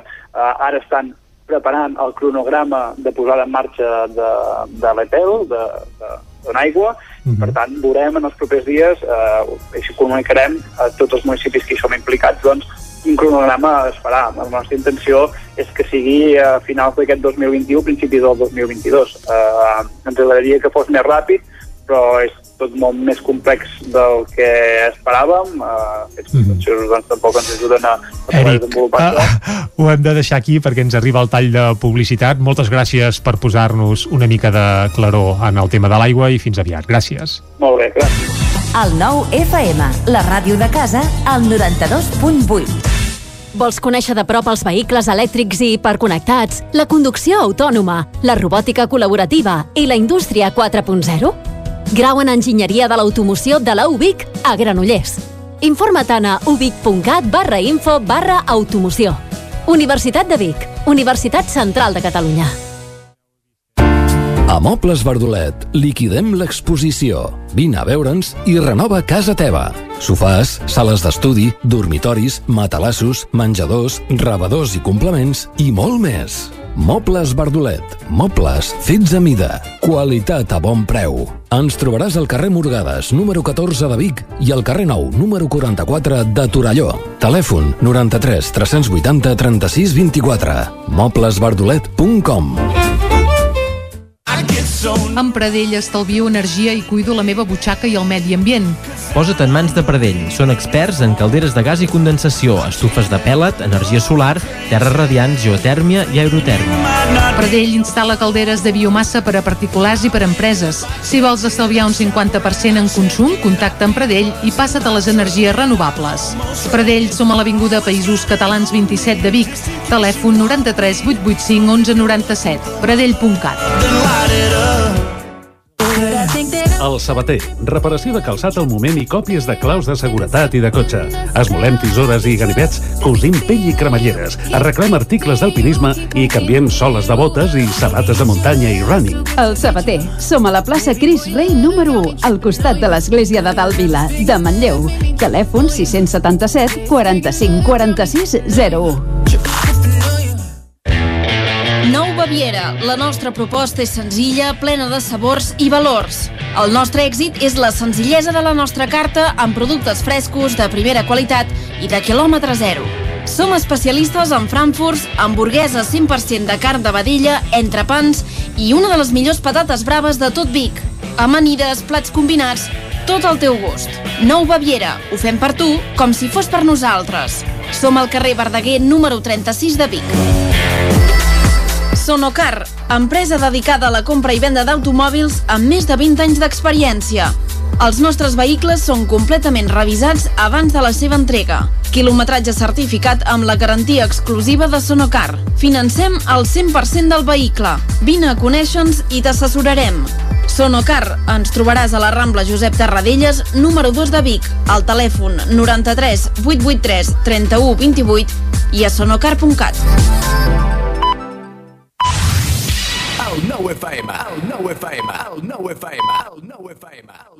Territori 17 Són dos quarts d'onze, seguim en directe aquí a Territori 17 i ara arriba el moment de les piulades. Ens les acosta la Clàudia Dinarès, a qui saludem de nou. Bon dia, Clàudia. Molt bon dia de nou. Què diuen per Twitter avui? Doncs a veure, hem fet un repàs no d'avui, sinó del cap de setmana en general i comencem per uh, un piulaire que ens agrada molt en aquesta casa, que més és de la casa, que és en Jordi Vilarrodà, cap Home. de cultura del 9-9, que diu a Vic vaig per la vorera i tombo una cantonada. Apareix un patinet elèctric a tota velocitat. Ens esquivem pels pèls. El noi cau, no s'ha fet res, a punt de prendre força mal tots dos.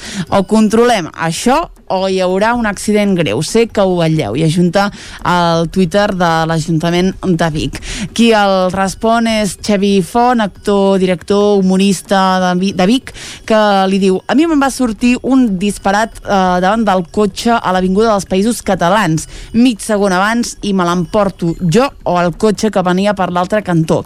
Es va limitar a riure amb els seus amics.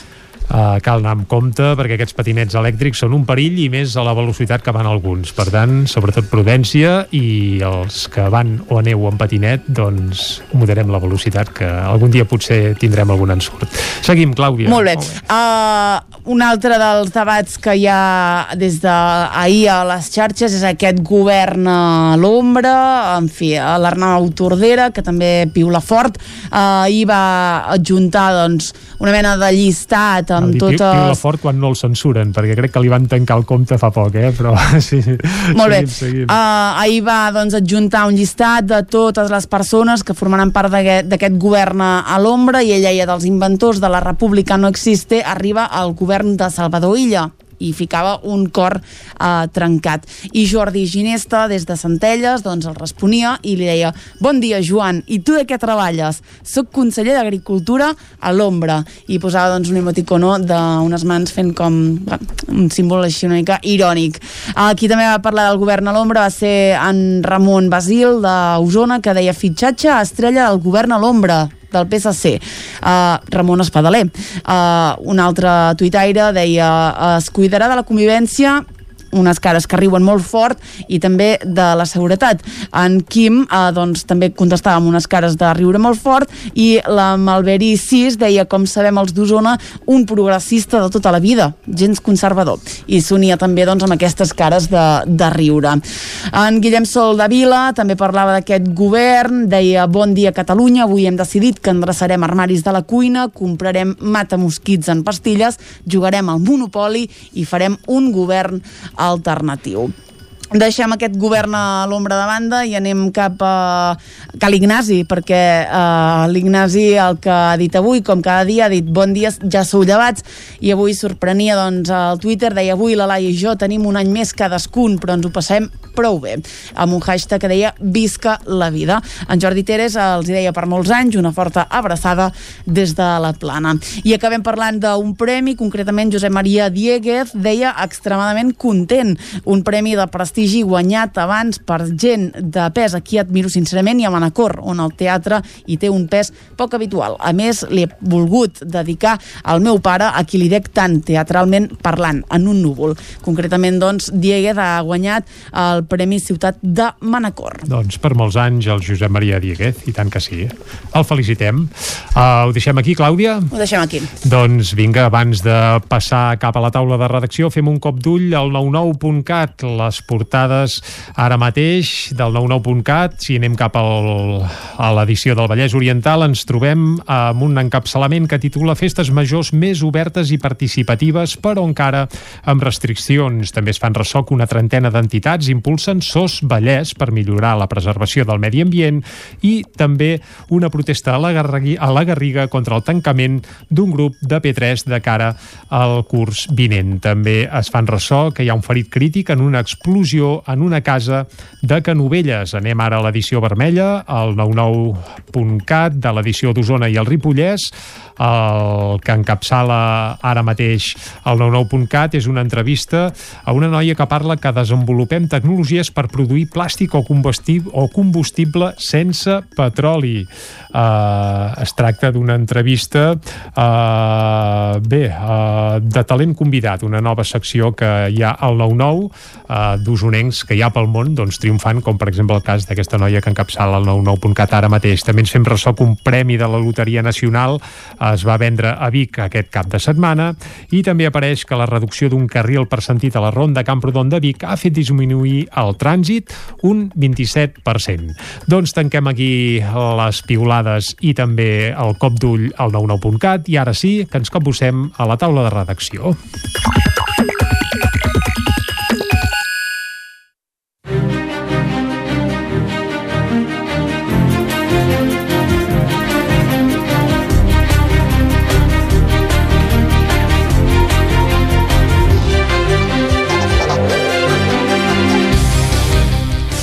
Passen 5 minuts, gairebé 6, de dos quarts d'onze del matí. Seguim en directe a Territori 17 i ara volem parlar de l'informe de Càritas Diocesana de Vic eh, amb en Guillem Freixa. Guillem, molt bon dia. Hola, molt bon dia. Un informe que deixa clar que la pandèmia ha tingut efectes, eh, bé, en la societat usonenca bé, i més enllà, eh, perquè Càritas Diocesana de Vic, diguem que agrupa tot l'àmbit territorial del Bisbat. Eh? Sí, exacte. Aquesta, aquesta Càritas Diocesana que podríem dir agafa una mica el que seria la zona de la Catalunya central, també s'hi afegeix el, el Ripollès, per tant una zona àmplia.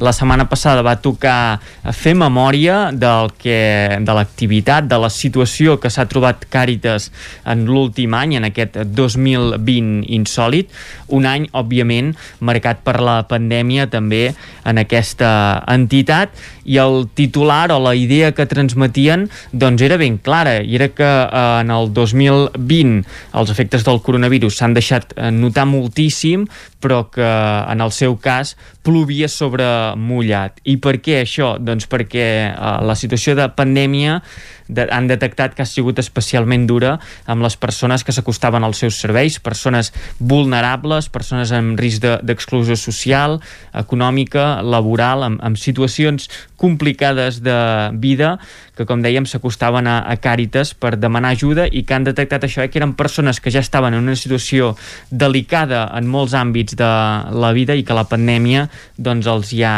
agreujat. Pel que fa a col·lectius, doncs eh, apuntaven que eh, els que han hagut de rebre més cobertura o que han donat més cobertura des de Càritas en aquest 2020 són les famílies monoparentals amb fills, les persones migrades i en aquest aspecte posaven molt l'accent en uh, les persones en situació irregular, perquè deien això, que són persones que uh, tenen la dificultat de ser migrades, d'arribar en un lloc uh, uh, nou, amb tot el que comporta, però que a més a més el fet d'estar en una situació irregular els hi tanca les portes a nivell administratiu i encara els hi complica molt més la vida. I també per últim els treballadors de l'economia informal persones que tenien eh, feines eh, precàries i que aquesta fragilitat laboral doncs encara s'ha accentuat eh, molt més. Entre tots ells, aquest 2020 sí que han detectat un aspecte eh, concret que s'ha greujat eh, molt i és que més de la meitat dels usuaris de Càritas del 2020 patien problemes d'habitatge, denunciaven o expressaven dificultats en aquest àmbit de la vida, en concret per accedir o per mantenir eh, un domicili. El 2019 aquesta xifra se situava en el 41%, per tant tenim aquest augment de 14 eh, punts eh, en aquest àmbit de, de l'habitatge. Les persones que s'acostaven a Càritas doncs explicaven escenes de, de massificació en pisos molt petits, molta gent en un mateix eh, pis, estrès per estar pendent de desnonaments a causa de la impossibilitat de pagar un lloguer o fins i tot haver-se vist obligats a ocupar un pis buit. Per anar acabant, en el 2020 Càritas Diocesana que va atendre 5.039 eh, usuaris, una xifra que es manté estable respecte al 2019 que va ser de 5.011 eh, això sí, eh, amb aquestes eh, situacions identificades, mm -hmm. sobretot problemes d'habitatges en les persones que s'acostaven a Càritas. Doncs moltes gràcies, Guillem, per fer-nos aquest repàs i t'esperem a la part final de Territori 17 a fer-la petar esportivament parlant, eh? Canviem ara de... vaja, de, de gènere radicalment, parlem del so de les cases, un, uh, un festival que uneix música i patrimoni que s'ha fet aquest cap de setmana a Vic i que ha salvat Jordi Vilarrodà força bé el tema climatològic perquè pràcticament no s'ha hagut de suspendre cap concert. No, eh? molt pocs, precisament, és clar feia por perquè ara, degut a les normatives Covid, els concerts no es poden fer en espais interiors, aquests concerts que es fan, com molta gent sap, ja repartits doncs, per, per diferents llocs de la, de la ciutat eh, que són emblemàtics des del punt de vista patrimonial o poc coneguts, sobretot poc coneguts. Doncs, és clar s'utilitzava molt per exemple jardins, eh, espais exteriors eh, gairebé en la totalitat del festival, és clar la pluja hauria estat una catàstrofe i només es van haver de suspendre alguns concerts el dissabte a les 6 de la tarda per un ruixat que va fer. I en general doncs eh, s'ha pogut fer tot, s'ha pogut fer bé hi ha hagut gent, eh, hi ha hagut gent eh, majoritàriament, tot i que hi ha alguns horaris doncs, que s'haurà d'ajustar doncs, perquè el dissabte al matí sí que hi havia alguns escenaris una mica buits, és un horari nou el dissabte al matí, sembla que és un moment que la gent està per altres coses, però bueno, clar, era qüestió d'encabir gairebé 200 concerts en 3 dies. Aquests concerts, la majoria breus, concerts de 20 minutets, un tast musical de cada grup i, i el descobriment d'espais, sobretot doncs, que també era no només el que anava anàvem a sentir, sinó el que allà oh. on anàvem a sentir-ho, no? I, I això doncs es va veure que havia creat expectació, per exemple, doncs, a, a llocs que, que, que no s'havien vist mai o que no, des de fa molts anys eren tancats, que, com per exemple la Casa Prat de Saba, que tenim aquí a la vora, on hi ha, hi ha l'Observatori Astronòmic al o... carrer de les escoles, eh? Exactament, al carrer de les escoles, o fins i tot doncs, al costat la mateix, la Casa Vallès, o llocs que els veus des de, des de fora però que no hi accedeixes normalment als jardins de l'església de Sant Felip o del Sagrat Cor, que era el col·legi de la carretera de Barcelona, però que té un jardí que no és un lloc accessible de, per l'escola, diguem, o sigui, no és, no és un lloc, doncs... De, de, és la pista poliesportiva que tenen al sí. costat de l'escola, diguem. Però no és... Eh, el jardí és d'ús privat, doncs, de, de les monges i de la residència, però, eh, eh, clar, hi ha molts llocs aquests que, eh, o la mateixa eh, torre eh, o d'on surten els reis, per entendre'ns, que és el lloc que, que, coneix, que, que coneix la gent de Vic. La Torre d'en Franc. La Torre d'en Franc, però que ningú coneix com la Torre d'en Franc, sinó no. el lloc d'on surten no, els reis. La dels reis, la dels reis. Correcte. doncs... Eh, Bé, no és que surtin d'allà, arriben per allà. Eh? Arriben per allà, vaja. Sí, sí, sí. sí, sí, sí, sí. Arriben per allà. Arriben per allà. Sí. Doncs llocs aquests que tenien aquest punt. I eh, musicalment va ser molt interessant també, hi va haver alguns concerts més extensos, més llargs, com eren els del final del dia, amb, el, per exemple, l'estrena del 19 de, de Seis Sisters a Osona, que el We Got You Back es va interpretar per primera vegada aquí a la comarca el divendres al pati de l'Os del Seminari, i el mateix escenari el dissabte, un concert eh, espectacular que van fer la Clara, la Clara Peia i el Vic Moliner, eh, amb una experiència molt diferent de la Clara Peia que havíem vist fa pocs dies a l'Atlàntida, va estar molt bé. I eh, en general va funcionar molt bé el sistema també doncs, de venda d'entrades, o sigui, aquest la sistema doncs, que era... internàuticament es havien de reservar prèviament. Ah, exactament. I l'altra meitat era... volant. Gairebé. Clar, es van, van sortir volant i després doncs, hi havia l'opció doncs, de, de que el públic que volia, eh, o sigui, el, el públic podia anar a cada escenari del concert i allò el primer que arriba, el primer que seu, o sigui, uh -huh. s'anaven donant per ordre d'arribada. I en alguns jocs va propiciar fins i tot alguna, algunes cues, tot i que en general va anar força bé.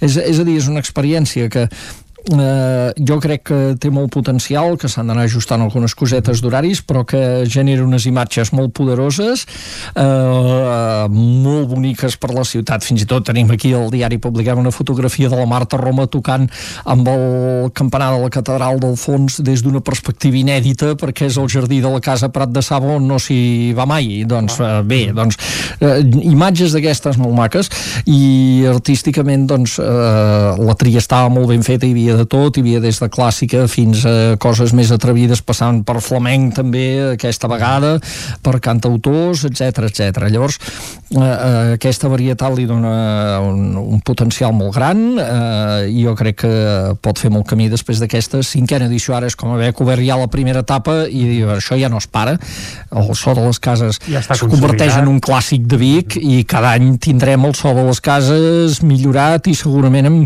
ja comença a haver existència de gent de fora, ens deien des de l'oficina de turisme, i que això és previsible que també vagi creixent i sigui un gran atractiu de la ciutat. Doncs ens ho apuntem. El so de les cases, que es consolida amb una edició marcada tant per la qualitat artística com també per la bonança meteorològica i per l'excel·lència dels indrets on s'ha dut a terme els diferents concerts. Jordi, moltes gràcies per acostar-nos al so de les cases, aquí a Territori 17, un Territori 17 que ara segueix i ho farà parlant d'esports.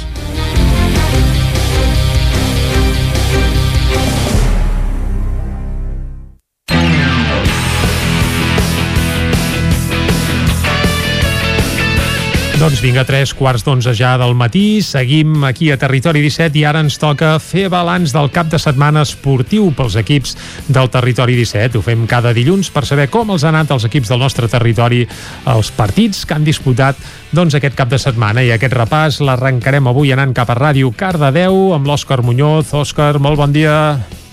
Bon dia, Jordi, bon dia. Molt bon dia, va. Com ha anat el cap de setmana esportivament doncs parlant, eh? Doncs un cap de setmana molt complet, eh, un dels més complets de l'any, podríem dir. Carai. Així, eh, sí, on doncs, podem doncs, eh, destacar dues eh, esdeveniments importants que hi ha hagut aquest cap de setmana, com són el, el Gran Premi de Barcelona-Catalunya de MotoGP. En públic, Miguel... que aquesta és la gran novetat, eh? En públic, en públic. Exacte, sí. Uh -huh.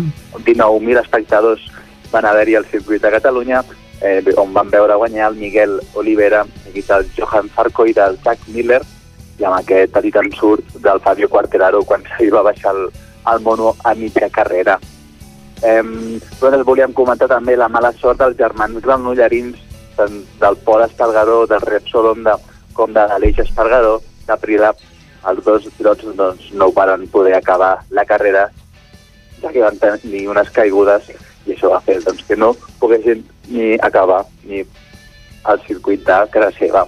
Així que, eh, doncs, mala notícia per ells.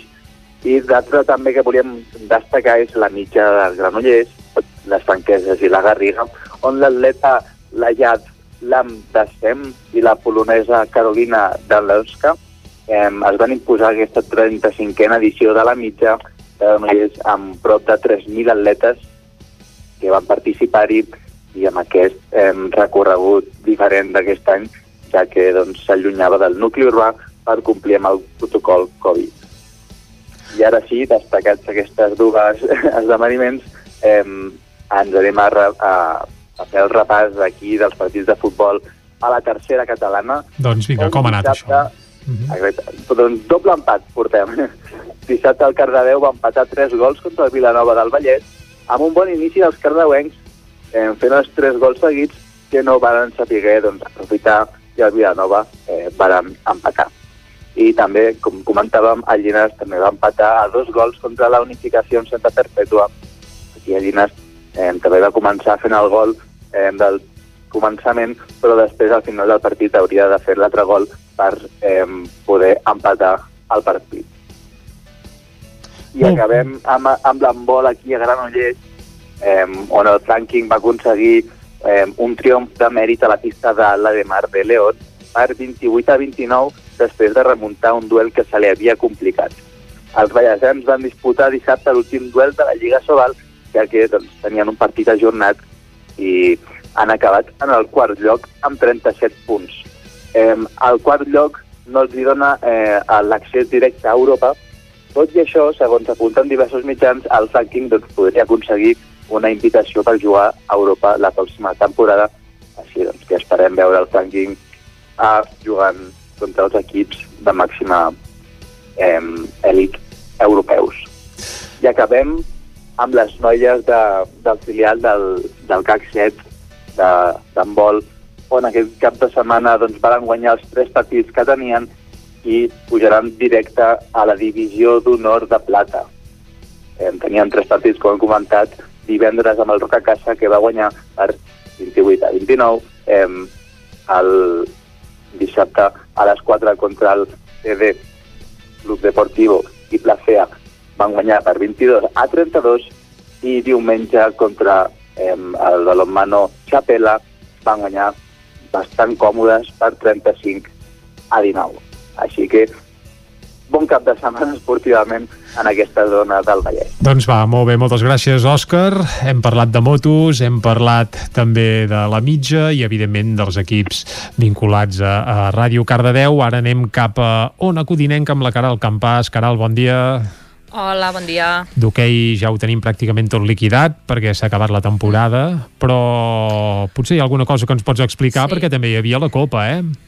Sí, començo doncs parlant de, de l'hoquei. El rec amb les arcaldes i les noies del Vigues i Riells estan citats aquesta setmana per la Copa del Rei i la Copa de la Reina. Uh, la competició es disputarà del dia 10 al 13 de juny al Palau d'Esports de Riazor de la Corunya i serà tot un repte per, per aquests dos equips, equips ballesans, tot i que Alcaldes ho té bastant millor que les noies del Vigues. Us comento, el rec amb les arcaldes ha quedat emparellat a les semifinals contra el Lleida Llista Blava, que ha estat un rival directe del conjunt de Caldes durant tota la temporada, però bé, els bons resultats del conjunt eh, de la Vila Termal eh, auguren doncs, que segurament eh, podrà superar aquest repte. I d'altra banda, les noies del Vigues i Riells ho tindran una mica més difícil per passar de la primera fase, i és que les ballesanes disputaran la semifinal contra el Palau Solità i Plegamans, que és el campió de l'Hockey Lliga actual i guanyador de la Champions. I dit això, mm, faig un repàs als resultats pel que fa al futbol. El grup 5 de tercera catalana recuperàvem aquest cap de setmana els partits corresponents a la jornada 5. El Mollà rebia el Pradenc i els moianesos van perdre per 1 a 2. Eh, la primera meitat va ser dominada pels locals que van encetar la llauna, però a la segona part es van canviar les tornes i el Pradenc, que s'hi jugava molt, que s'hi jugava el liderat de categoria, va empatar a 1 i al minut 83 feia el segon que els donava la victòria. I el Castellterçol visitava el Llorençà en un partit que va acabar amb empat a 3. El Castellterçol eh, i el Llorençà són dos equips rivals directes situats a la part baixa de la taula que lluitaven per sortir de les últimes posicions, però amb aquest resultat, tot i que sumen un punt cada un, es mantenen a les posicions 15 i 16 de la classificació. I finalment us parlo del Sant Feliu de Codines que viatjava al camp del Tona. Eh, els codinencs molt ben posicionats a la part alta de la classificació es mantenen ara tercers tercers amb 3 punts més perquè es van imposar al Tona B per 2-3. I bé, el Sant Feliu de Codinàs encadena així els últims 6 partits disputats guanyats. Doncs moltes gràcies, Caral, per aquest repàs. Anem ara cap al Ripollès, a la veu de Sant Joan, i tenim l'Isaac Muntades. Isaac, bon dia. Bon dia, Jordi. Com ha anat el cap de setmana esportivament per aquí al Ripollès? Doncs ha estat un cap de setmana intens esportivament i de fet sobretot per, per les curses que s'hi han celebrat, les curses de muntanya i també de, de ciclisme, per exemple la més destacada com ja sabeu ha estat l'Ultra dels Bastions a Ribes de Freser, que va reunir prop de 1.500 participants entre els tres reconeguts, per tant unes participacions de, de rècord, eh, fins i tot en temps de, de pandèmia i en què Marc Culler i Roser Espanyol doncs, van ser els grans triomfadors de la jornada, van ser a l'Ultra de 71 quilòmetres i 4.700 metres de desnivell positiu, eh, el corredor de la noia va tardar 8 hores 46 minuts i 56 segons, mentre que el podi el van completar Alejandro Villarino i Quim Duran, i en el cas d'Espanyol, de l'equip urgellenc que va tardar 10 hores, 24 minuts i 17 segons i va derrotar doncs, a Elodie Barrein i a Sabrina Solana. Uh, Santi Penya i Cristina Vilarnau van ser els més ràpids a la Marathon de 51 quilòmetres i al Trail de 21 van guanyar Ramon Fernández i Aida Pérez en les seves respectives categories. Després també aquest cap de setmana vam tenir la Molló Trail amb 300 participants, no tanta participació però déu nhi A la marató de 53 quilòmetres van guanyar Jordi Bès per davant de Sergio Sánchez i del camp de Manolenc Jordi Martín i la, eh, la corredora usonenca Clàudia Galícia va vèncer en la categoria femenina per davant de Sofia Laplan i Cristina Juní. A la mitja marató van guanyar Marc Pinsat, uh, Marc Pinsac i Mercedes Arcos. També vam tenir una cursa ciclista aquí al Ripollès, la cavallera BTT de Sant Joan de les Abadeses, l'única en bicicleta després de dues uh, curses de muntanya, que també va acabar amb rècord de participació, que això és el més important, no tant les classificacions, amb 250 participants i una llista d'espera de més de 50 corredors, la majoria dels quals doncs, van optar per fer la prova llarga de 35 quilòmetres i, i la resta doncs, la, de, la de 22. Uh, pel que fa al futbol, aquesta cap de setmana, una de freda i una de calenta, Uh, hi ha molt bones notícies per part de l'Abadesenc, que va vèncer a domicili per 1-2 al Sant Pons i continua de ple en la lluita per l'ascens de, de categoria. El conjunt Sant Joaní doncs, va ser uh, molt superior, sobretot a la primera part va tenir moltes ocasions de gol, però només va aconseguir fer una diana d'Arnau, que va aconseguir doncs, creuar una pilota després de d'una centrada i a la segona meitat eh, sí que van començar bé les coses per la Badesenc que va notant pràcticament només de començar amb un, amb un contraatac per, mitjan, per mitjà de Dani que va fer el 0-2 a partir d'aquí semblava que el partit estava sentenciat i la Badesenc fins i tot eh, va tenir un penal per, per fer el 0-3 però, però el va fallar i al final doncs, va, va acabar patint perquè quan perdones acabes patint. I es va fer un gol en pròpia porteria i bé, al final va aconseguir eh, estacar aquesta victòria i ara mateix és quart amb 26 punts i té un partit menys a 6 del, del lideratge de la Unió Girona Uh, perquè de fet els gironins l'Unió Girona va derrotar el Camp de Bànol a casa per 4-2 en un partit on doncs, els candanolencs no van poder ajudar la Badesenc tot i que van estar-hi a punt perquè uh, uh, mitjans de la segona part el partit estava 2-2 uh, l'Unió Girona es va avançar amb un xut de Bonet eh, a l'àrea petita després d'una centrada. Eh, Omar va empatar 4 minuts després d'aprofitar un error del porter que se li va escapar un xut de Mercè i la va deixar morta, només la va haver d'empènyer. De, Castanyer va avançar als locals abans del descans també amb un xut des de l'àrea petita i a la segona meitat doncs Omar eh, només començava a empatar eh, després de tripar-se el porter i amb el 2 a 2 es va arribar cap als minuts finals ja l'Unió Girona va aconseguir dos gols, un de Creixans amb un xut eh, col·locat uh, i un cop de cap de, de David en un córner que van fer el 4-2 i ara el Camp de doncs, el Camp de Bànol és novè doncs, amb, amb 19 punts. Molt bé, doncs Isaac, això és tot. I això és tot. T'esperem a la part final del Territori 17 avui a la tertúlia esportiva. Ara nosaltres seguim amb el repàs esportiu del cap de setmana. Ens toca repassar què ha passat a Osona i això ho farem amb l'Ester Rovira. Ester, bon dia. Bon dia. Com ha anat el cap de setmana doncs... esportiu pels equips de, això, de casa nostra, d'Osona? Hem tingut una mica de, de tot. Mm -hmm. Teníem molt la mirada posada en el futbol i en la primera catalana perquè el Tona tenia la, uh, doncs, la primera oportunitat, el primer matchball per si guanyava... uh, aconseguir el títol de, de Lliga, d'aquest subgrup uh -huh. UA de la primera catalana i optar així després a disputar el playoff d'ascens a la nova tercera Real Federació Espanyola de Futbol, que així és com es dirà amb ah, la sí? reestructuració així? de categories. Sí. Nova tercera Real Federació... Bueno, tant és. Sí. Bueno, nova no, és, no nova ho he sí, sí. afegit jo, però hi haurà ah, la, la primera, la segona i després primera, segona i tercera Real Federació Espanyola de Futbol, RFEF. Per tant, perquè ens hi acostumem, uh, aquesta categoria és on optarà el Tona sempre i quan guanyi la setmana que ve perquè, com dèiem, van sopegar aquest cap de setmana. Um, li quedaven dues jornades, n'havia de guanyar una. En la primera van sopegar uh, el camp del Bescanó, on va perdre al minut 90 amb un gol dels locals, en un partit que va ser gris, poc vistós, uh -huh. uh, per als aficionats que van anar a acompanyar l'equip a, a Bescanó, uh, i on segurament els tonencs uh, són l'equip que hauria merescut alguna cosa més, però el futbol té aquestes coses. I els nervis. Igual que hi ha hagut algun dia doncs, que potser ells han guanyat un, un partit uh, uh, doncs, on potser el rival havia generat més ocasions, aquesta vegada va passar al revés i per tant va acabar guanyant el, el Bescanó. Això vol dir, per tant, que aquest proper cap de setmana eh, encara no sabem si dissabte o diumenge si hi haurà jornada unificada o no, perquè eh, això segurament ho sabrem al llarg d'aquesta setmana, però bé, en tot cas el Tona rebrà casa a l'escala i aquí sí que ja eh, només val guanyar o, o, o en tot cas, eh, saber què fa el, el Lloret, que és el seu perseguidor a la classificació i que aquest cap de setmana havia de jugar i per tant eh, potser si el Lloret hagués eh, jugat i hagués perdut ja sabríem que el Tona, com que té 4 punts més ja quedava campió de Lliga però es va ajornar el seu enfrontament amb el eh, em sembla que era el Llagostera B, exacte uh -huh. i per tant doncs, no hem pogut sortir de dubtes però bé, en tot cas si hi hagués una ensopegada del Lloret també serviria al Tona perquè ja té aquests 4 punts de més uh -huh. que, que dèiem Molt bé. per tant, tot l'interès que teníem aquest cap de setmana el traslladem al, al que ve i en el cas dels altres equips eh, usonencs a la primera catalana de futbol eh, doncs eh, hi havia un derbi l'últim del curs per variar, aquesta vegada un Vic Riu primer Vic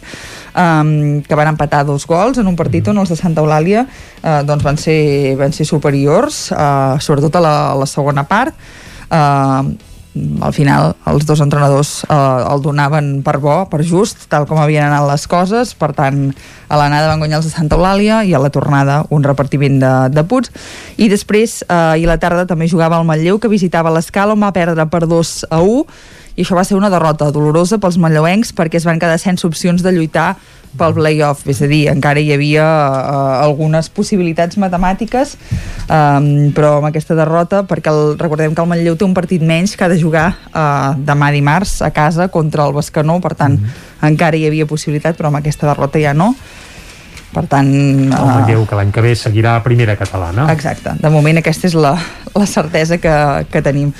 Molt bé, Eh, en això el- és pel que fa a futbol. Això seria el més destacat pel que fa al futbol. En hoquei hem de dir eh, que aquest cap de setmana, un cop ja acabades doncs, la, la hoquei Lliga, eh, també la, la Copa d'Europa que es va disputar el cap de setmana passat. L'interès està ara a partir de dijous, que comencen la Copa del Rei i, I de la, la Reina, Reina. en presència usonenca a, a la Corunya perquè hi haurà eh, doncs, a la Copa de la Reina el Voltregà i el Manlleu i a la Copa del Rei el, el Voltregà. Tots s'estrenen dijous. Eh, el Voltregà femení serà el primer jugarà a dos quarts d'onze del matí un horari Home, sí, terrible, eh? terrible, vull dir, allò d'anar a fer mal doncs eh, aquí el mal ja, ja està fet. eh? Clar, a més a més viatgen divendres, arribaran al vespre, t'aixeques al matí i te'n vas a jugar ja un partit d'hoquei contra el Sant Cugat, que a més a més és un equip que bueno, aquesta temporada està bastant la revelació, es va plantar la segona fase de lluita pel títol, per tant segurament no serà fàcil. A les 6 de la tarda jugarà el Manlleu que s'enfronta al, al Gijón, mentre que el Voltregà masculí, el seu partit el jugarà a 3 quarts de 9 del vespre d'aquest mateix dijous, la primera jornada aquesta inaugural de les Copes a Galícia i s'enfrontarà a l'anfitrió, al Liceu. Veurem com van, com van les coses. Com deia, això serà a partir de dijous i aquest cap de setmana, a manca de competició de primer nivell, hem estat pendents de com anaven les coses a, a la nacional catalana. Teníem dos equips, els dos filials del Voltregà, pendents de classificar-se per la final de la, de la categoria, I lluitant en aquest, anat? en aquest play-off. I hem de dir que el masculí eh, va guanyar el primer el segon partit perquè la setmana passada ja havien jugat el primer però el primer d'aquest cap de setmana contra el Congrés per 3 a 1 de manera que va forçar el tercer enfrontament però va acabar perdent ahir per 5 a 4, de manera que eh, doncs això no serà a la, a la final d'aquest play-off pel títol de la nacional catalana i optar a l'ascens a, l'hoquei Lliga Bronze, però en canvi sí que va fer els deures, ja havia guanyat el primer partit la setmana passada contra el Mataró i aquest cap de setmana ho va tornar a fer el Voltregà femení B, va guanyar per 2 a 3 i per tant doble victòria en els dos primers partits i ja estan classificades per la final que disputaran la, la setmana que ve contra el, contra el Palau. Poden optar a guanyar el títol, el que sempre li passa al Voltregà B és que el que no opta és a ascendir, perquè en categoria femenina doncs ja té el primer equip a, Clar. A davant i per tant no, no podria pujar, però bé, en tot cas això. El títol quedaria. I també aquest cap de setmana han començat els campionats de Catalunya, es disputaran aquest cap de setmana i el que ve en les diverses categories i aquest cap de setmana hem de destacar que també eh, un equip del Voltregà doncs, ha estat subcampió de Catalunya juvenil eh, en aquesta competició que es disputava a Vilaseca Uh, i també hi havia uh, doncs, uh, un altre equip en la categoria Leví, també del, del Voltregà però que, que això que va caure abans de la, de la competició. I just per acabar destacar també que el Gerbau Vic TT de tenis taula s'ha proclamat aquest cap de setmana campió de Catalunya de categoria absoluta. Mm -hmm. uh, continuen la bona temporada. A la Lliga es van classificar primeres de, de grup i ja són doncs, a la fase final de lluita pel títol. I ara doncs, aquest cap de setmana també han pogut fer una bona temporada doncs, proclamant-se campiones de, de Catalunya. I això seria el més destacat Doncs, d'aquest cap de setmana moltes gràcies per fer-nos aquest repàs a l'actualitat esportiva d'Osona. I a això, a Osona, tanquem el repàs esportiu del cap de setmana. I quan passen 3 minutets de les 11 del matí el que farem ara és acostar-vos de nou l'actualitat de casa nostra, l'actualitat de les comarques del Ripollès, Osona, el Moianès i el Vallès Oriental. Territori 17, amb Vicenç Vigues i Jordi Sunyer.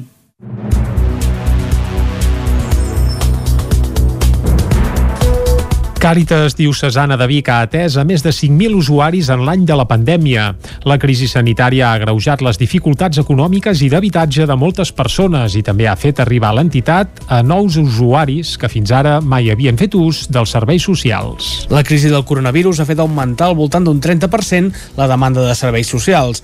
En l'últim any, la diòcesi de Vic ha atès a més de 5.000 usuaris i, segons les dades de la memòria anual que ha presentat l'entitat, la crisi ha impactat amb més força aquelles persones que ja tenien vulnerabilitats i, especialment, a les, a les famílies monoparentals, persones migrades en situació irregular o a les persones que tenien una feina precària i que ara encara ho és més, o que fins i tot l'han perduda. En l'últim any també s'ha incrementat el nombre d'usuaris que per primer cop fan ús del servei. El 58% dels usuaris tenen entre 30, entre 30 i 64 anys i en el 76% dels casos provenen d'altres països. L'atur afecta el 55% de les persones ateses.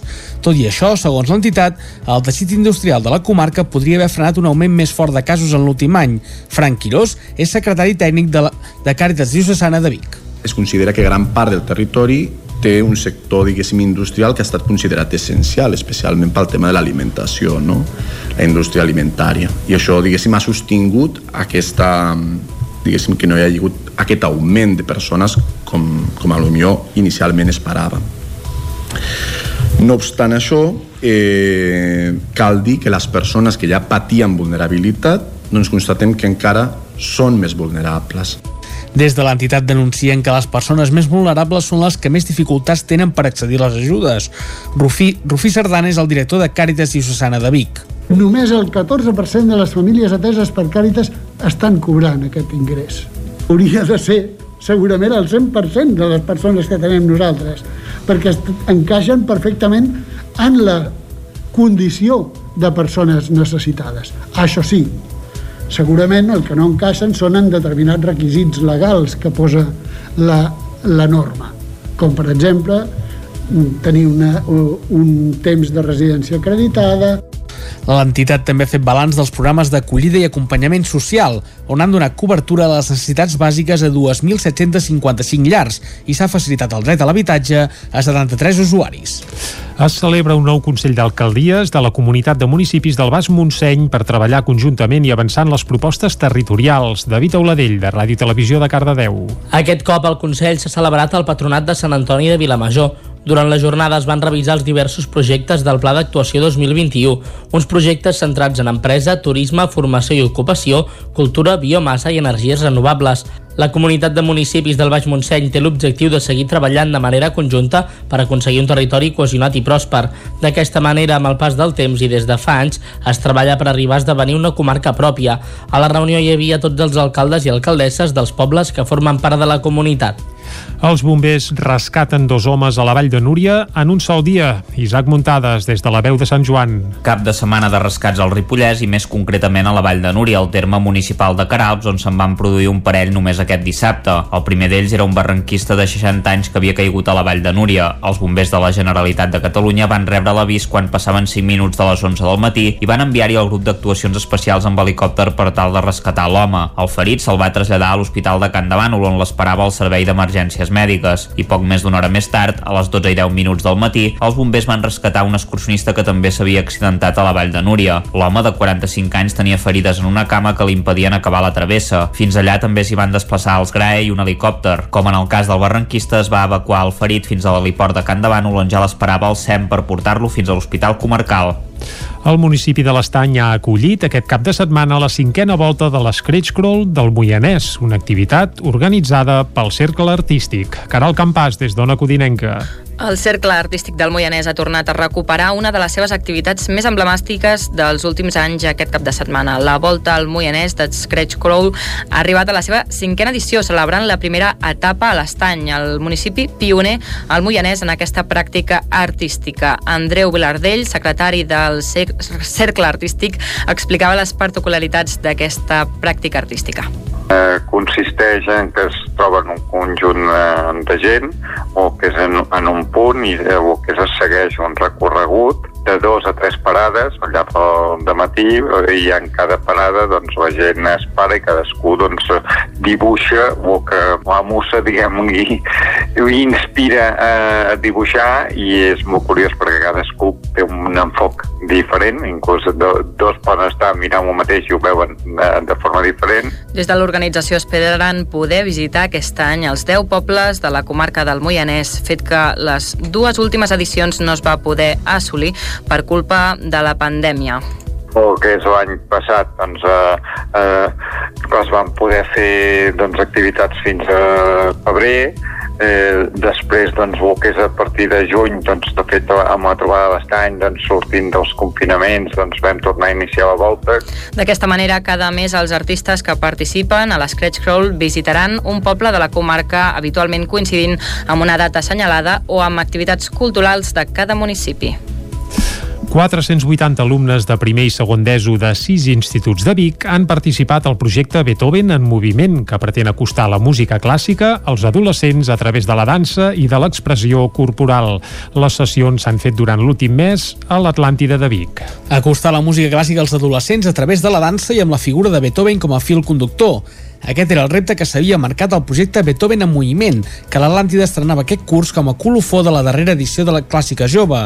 Al projecte hi han participat 480 alumnes de primer i segon d'ESO, més enllà de les 18 coreografies dirigides pel coreògraf Pere Faura, que n'ha sorgit i que cada centre podrà visualitzar a través de la sala 4 de l'Atlàntida Digital a partir del proper divendres, l'experiència ha resultat d'un gran valor educatiu.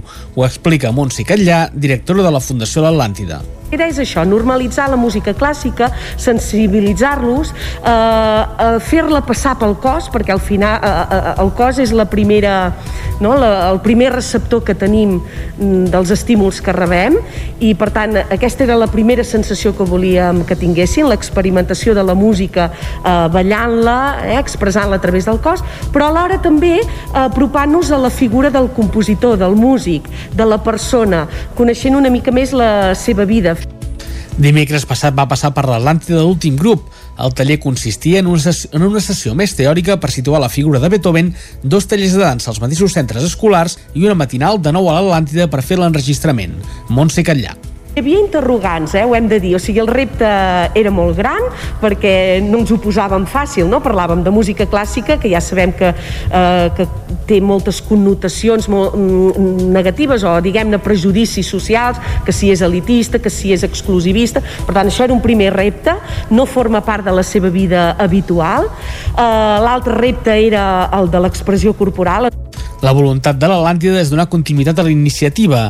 En aquesta primera edició hi han pres part alumnes de l'Institut de Vic, el Jaume Callís, la Plana, el FEDAC Vic, l'Escorial i el Paracoll.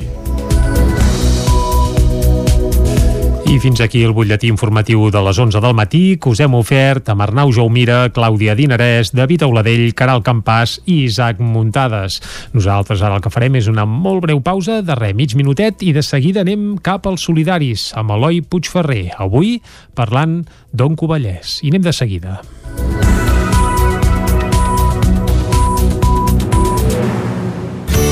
Territori 17. Envia'ns les teves notes de veu per WhatsApp al 646 079 023. 646 079 023. WhatsApp Territori 17.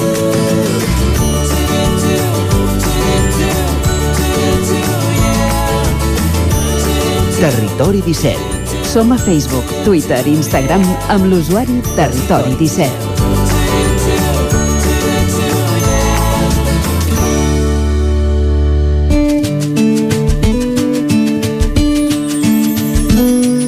Solidaris, amb Eloi Puigferrer. Durant els 20 programes que porta Solidaris en antena, hem tingut la possibilitat de parlar amb una infinitat d'entitats de les comarques d'Osona, el Ripollès, el Moianès i el Vallès Oriental. Des d'aquelles que centren la seva acció a ajudar la gent de fora de les nostres fronteres fins les que opten per focalitzar la seva solidaritat als nostres carrers. També hem parlat amb entitats que ajuden a malalts a patologies com el càncer, malalties cardíaques o fins i tot afeccions minoritàries. Avui el nostre camí ens torna a portar cap al Vallès, on des de ja fa bastants anys una entitat lluita de manera incansable per ajudar aquelles persones que combaten cada dia contra el càncer. Estem parlant d'Oncovallès. Una malaltia com aquesta, com ja hem escoltat al programa de la boca d'altres noms propis com el d'Osona contra el càncer, no és gens senzilla.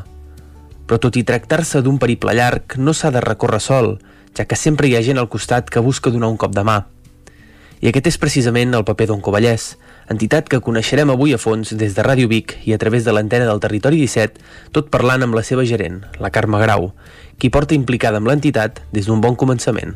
Jo ja vinc d'una família molt solidària, el meu pare era un gran voluntari, o sigui que vull que tingueu clar que això hi ha d'haver una llavor per fer tot el que ha fet un Covellers. I, bueno, nosaltres vam viure la malaltia malauradament a casa, en som perdedors, vol dir que en dos mesos i mig doncs, no vam tenir la sort de poder guanyar, vam perdre, i tant la meva parella, que és el president, com jo, eh, doncs teníem tot el que havíem de tenir perquè som sanitaris, vol dir que tot el dels hospitals, tot el tema, tot ho teníem pel dia a dia. Del malalt va ser, aquests dos mesos i pico van ser per nosaltres aterradors, perquè el dia a dia passen moltes coses i necessitàvem molt de suport i ens vam sentir sols.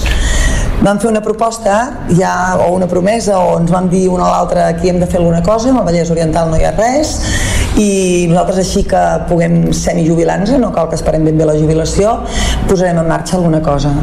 Però clar, alguna cosa era dos cops a la setmana fer voluntariat amb una meva companya de l'hospital, jo he treballat tota la meva vida a l'hospital, jo 14 anys ja, ja estava a l'hospital fent les meves pràctiques amb les hermanes i, bueno, i vaig pensar doncs, que podíem fer dos dies a la setmana el més important.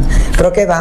Vam, vam demanar-ho a l'Ajuntament, vam parlar amb un i amb l'altre i nosaltres al cap de 8 dies teníem a la porta pues, 20 persones, 30 i al cap d'un mes potser érem 50, ja que necessitaven tot això del Vallès Oriental. Clar, nosaltres no donàvem abast en dos dies a la setmana. Tothom volia venir un dia darrere l'altre, que no volien esperar temps a venir i no sabíem com fer-ho. Mm, no puc dir massa mm, per què avui estem on estem i tenim tants i tants malalts i tal. No ho puc dir perquè no vaig poder ni pensar-m'ho. Uh, se'm va dir, escolta'm, això hem d'obrir-ho més gran, hem d'obrir-ho més gran i, i nosaltres estàvem com, ens vam quedar com atrapats, no? Ara orgullosos i contents, evidentment, però vam haver de canviar tota la idea que tenia. Jo no estava per jubilar-me ni molt menys, llavors m'hi va plegar de l'hospital, però vam començar hem dir, va, anem a, demanem una excedència, demanem un temps i anem a veure què passa. I ens vam llançar. I l'Ajuntament de Granollers, doncs, primer ens va donar un trosset, després un altre trosset, després un altre trosset, i avui tenim dos plantes, tenim molt, molt, molt lloc i molt per poder eh, fer tot el que els malalts necessiten. D'ençà d'aquesta primera espurna han passat ja gairebé una vintena d'anys, però tot i la reconducció que va haver de viure l'entitat per la llau de la demanda al començament, no els va fer frenar. Tot aquest temps, però, els ha curtit i els ha ensenyat com tirar endavant gràcies a l'ajuda de tots i de totes les entitats col·laboradores. Jo el que he pres a la meva vida en aquests 19 anys, perquè aquest any fa 19 anys, és que estar al costat del malalt és el millor que podem fer perquè és molt important, però també ens hem donat compte de que cada malalt tenim 4 o 5 de la família que té problemes arrel de que la malaltia és molt difícil i que les famílies no saben per on anar i necessiten també molta ajuda. Això ha fet que la Fundació creixi molt també perquè no només tenim els pacients, sinó que tenim tots els familiars. També, en principi vam fer doncs, el taller d'imatge, anàvem fent cosetes petites. A mesura que han anat passant els anys, el que ha passat és que cada cosa que han necessitat els pacients, nosaltres hem estirat d'algú que ho fes aquí, dintre la Vallès Oriental, i ens pogués ajudar sense cost. Què ha passat? Que els col·laboradors, ara entre voluntaris i col·laboradors són més de mil nosaltres. Què vol dir? Que tothom, de quina manera? Doncs pot ser a nivell informàtic, pot ser a mil coses que, que puguin fer falta al dia a dia de la Fundació, pot ser els abogats, pot ser el dentista, pot ser... Tot això nosaltres tenim tothom a punt, a la que nosaltres necessitem una nova cosa, segur que hi ha algú que surt i es presta a fer-la. La majoria de vegades sense, sense cap cost, eh? o sigui que el que de vegades surt, fem un, petit retoc a la revista dient als col·laboradors i agraint no? els que ho fan amb un llistat. Però la veritat és que això és el que ha fet també que nosaltres poguéssim créixer molt. També des del principi ja vam començar que amb els hospitals volíem estar molt lligats vam tenir sort perquè treballant també, com treballàvem nosaltres sanitàriament, vam tenir portes obertes de seguida. Amb tots els CAPs del Vallès Oriental, nosaltres treballem amb els 42 CAPs del Vallès Oriental, tots. A dia d'avui, com que totes les coses han canviat molt a nivell d'oncologia, també ha passat que quan aquí hi ha una cosa que no s'acaba d'aclarir bé en els nostres hospitals, es dirigeixen hospitals de, Barcelona. Ha sigut un enllaç que ha anat creixent, és difícil d'explicar-ho perquè no ho sabem ni com. Ha rodat, eh? sempre ho dic a tothom. Eh, estem més que satisfets, molt contents, però si ni aleshores em deixin dit la responsabilitat que això tindria, que és la que tenim avui, aquesta responsabilitat de dir si un moment donat aquestes portes s'han de tancar perquè nosaltres no podem tirar, jo no vull ni pensar-ho mai, perquè és que fa un mal que, vamos, no ens ho vam plantejar mai. Amb el pas dels anys i l'evolució de les necessitats, la Fundació Oncovallès ha anat incorporant projectes fins a arribar a tots els que proposa avui en dia, que no són pas pocs. La gerent explica com funciona tot el procediment d'ajuda i fa 5 cèntims dels projectes que tenen entre les mans. Nosaltres quan ens arriba un pacient truca i se li dona hora. Llavors fem una acollida d'acompanyament. Aquesta acollida és la que fa que el pacient ens veiem les necessitats. Nosaltres els, els parlem una mica i deixem que ells ens expliquin. O sigui, això és molt d'escolta. Escoltar i veure aquell pacient cap a on va, com ho té muntat ell, com ho, ho té pensat i què necessita, no? perquè quan venen aquí normalment és perquè o bé a l'hospital ja se'ls ha dit o bé el metge de capçalera Neu o Covellers que us ajudaran, o sigui, ells ja venen dirigits a algun lloc. També hi ha gent que ve del carrer que ho ha pensat i bé, no? que ens coneix. Però l'acollida d'acompanyament ens marca el que necessita aquella persona. Pot ser psicooncologia, pot ser temes de, de sexualitat, pot ser temes de grup d'ajuda mútua, que volen un grup, no volen el psicòleg, però sí un grup, perquè són persones que amb el psicòleg potser pensen que no, pot ser fisioteràpia, nosaltres fem diverses coses. Dintre de fisioteràpia tenim Mouta pel càncer, que és hidroteràpia de rehabilitació per les persones que tenen operades, per exemple, càncer de mama, tenen un buidament gangliar, a vegades els hi queda que no acaba d'anar prou bé el braç, i amb tot això hi ha dos temes molt importants. La hidroteràpia, que és a l'aigua, i les fletxes per l'esperança. És un projecte que mm, fa 3 anys a Madrid van començar com una prova pionera eh, a l'Hospital Princesa Sofia i eh, van veure que anava molt bé perquè era com el de tirar l'arc és com me forço però no és un d'afició ni és, és algo que em distreu i que no m'adono que forço. Tenim l'acupuntura oncològica per tota la part més nerviosa més de neguit que també va molt bé. El reiki òbviament això ja està imposat de fa molts anys. També els superiors positius que és que quan la gent fa la quimio té problemes moltes vegades de llagues a la boca de que se'ls piquen les dents. Bueno, gent especialitzada, eh? una clínica especialitzada que a més a més van, no se'ls cobra res. Tenim la imatge personal a l'oncologia que és el que hem dit abans que eh, donem les perruques sense cap cost nosaltres ja fa 4 anys que padrinen les perruques i nosaltres les perruques que valien per exemple 4 o 500 euros li costaven a un pacient avui la Fundació les dona sense cap cost Més enllà de l'ajuda en el vessant mèdic, que és molt important per a Oncovallès, també tenen un projecte molt important a les mans, la conscienciació de la societat. I aquesta només es pot començar des de baix, a les escoles. Nosaltres treballem molt amb les escoles, tant amb nens petits com amb nens grans, perquè tampoc és una cosa pensada, però hi va haver un moment que hi havia moltes classes que es moria una mare o estava malament una mare o un pare molt malament o un company, que també són nens, que company, i llavors la, la professora ens cridava, ens deia, escolta, hauríeu de venir a fer una xarra perquè tenim un problema. Ens vam adonar que ells són la futura gent del present, no? i futur, que aniran endavant, endavant. I vam dir, a veure, aquests nois i noies, que són primer petits, que fem un concurs de dibuix que va començar la, la Pilarín Vallès, també, va ser ella la primera que va venir, el primer any, que em sembla que deu fer 8 o 9 anys o 10 ja que fem això. Per tal d'implicar-nos dintre de les escoles perquè els nanos vegin la malaltia com una malaltia més i perquè no tinguin un patiment com tenien. Fem treballs de recerca que els liderem des del nostre comitè sanitari amb tots nosaltres, amb tots els instituts, que per cert en fem prèmits i que tenim prèmits molt grans de treballs que han fet nois i noies que els treballem des d'aquí. I és precisament gràcies a aquesta feina que amb els anys ja s'ha pogut notar un canvi bastant marcat en la manera de fer i de pensar de les persones, tal com explica Grau. Jo quan vaig començar fèiem la col·lecta nosaltres. Jo anava la primera amb la Guardiola per Granollers i per tot arreu. Hi havia gent que et feia, et deia, no, no, jo con el càncer o jo amb el càncer no vull saber res no, perquè jo amb això no vull... I tu quedaves... Jo, jo, clar, jo com, jo com a sanitària quedava al·lucinada. Avui això no passa, eh? Jo no sé si és perquè nosaltres també hem estat tant al carrer, ens han vist tant, eh, coneixen, de, de, de, o sigui, hem fet aquesta xarxa que, que, que arribem a tot arreu, a, a través de l'escola, a través de l'Ajuntament, a través a tot arreu, dels ajuntaments, perquè també tenim conveni, amb, no ho he dit abans, amb 34 ajuntaments tenim conveni també. Clar, llavors tot això què vol dir? Que la gent ja, ja ho ha anat trobant com una altra malaltia i ho hem d'anar venent i ho hem d'anar explicant, perquè és la veritat, no és que estem venent, sinó que expliquem una cosa que és molt certa. En aquests 10 últims anys la medicina ha avançat moltíssim, les coses han canviat. Sí que continua sent una malaltia molt dolenta, sí que hi ha gent que no guanya, però cada vegada ho tenim millor. I d'aquí 10 anys, uf, ja veuràs. Vull dir, ho dic amb el sentit que la conscienciació sí que és important, molt, perquè crec que ha canviat però pot canviar molt més encara. i la gent està una mica més preparada. De fet, ja et dic, jo crec que nosaltres amb les escoles aquí ja preparem molt, eh, també, perquè clar, aquests nanos arriben a casa i ho expliquen.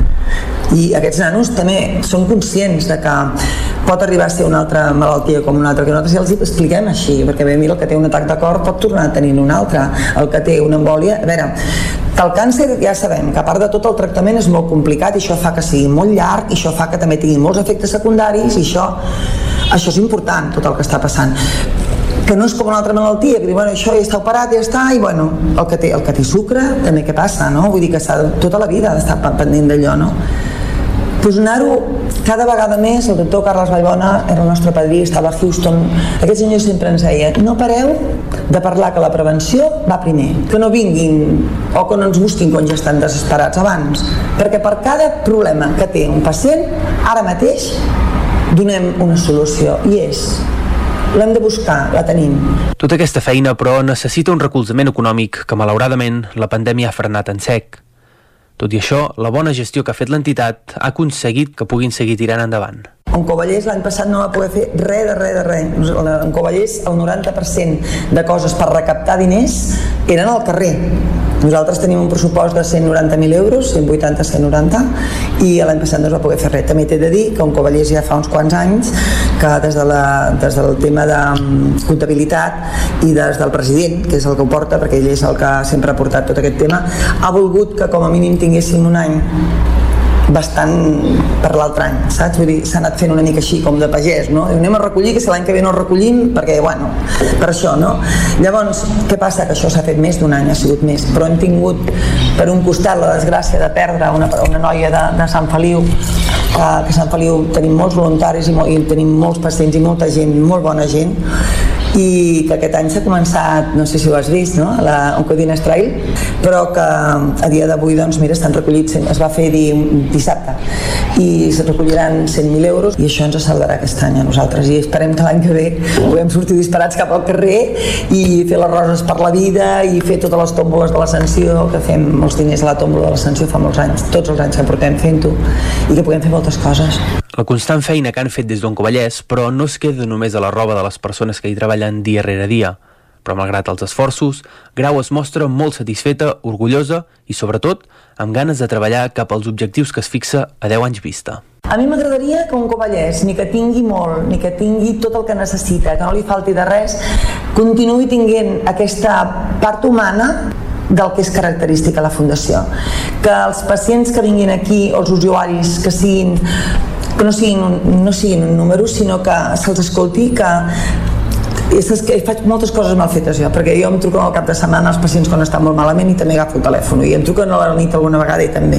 Això ja no, no dic que ho fagin però sí que quan la gent vingui aquí no ve, que no vingui d'un quart l'hora d'acompanyament, de l'acollida i que hi hagi aquesta humanitat que, que caracteritza la Fundació com el seu valor més preciat. Per a mi, eh? jo que clar, jo soc sanitària no puc veure d'una altra manera, segurament que els que fan números ho veu diferent, però jo com a sanitària seria això amb quasi 20 anys d'història a la seva esquena, on Covellers s'ha ergit com tot un referent en la lluita contra el càncer i, sobretot, en l'ajuda als pacients que pateixen aquesta malaltia al Vallès Oriental.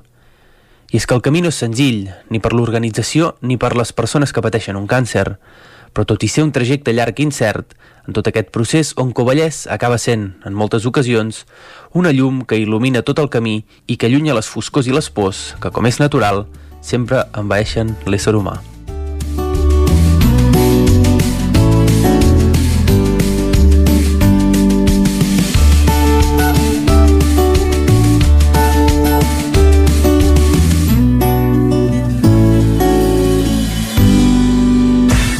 El nou FM, la ràdio de casa, al 92.8.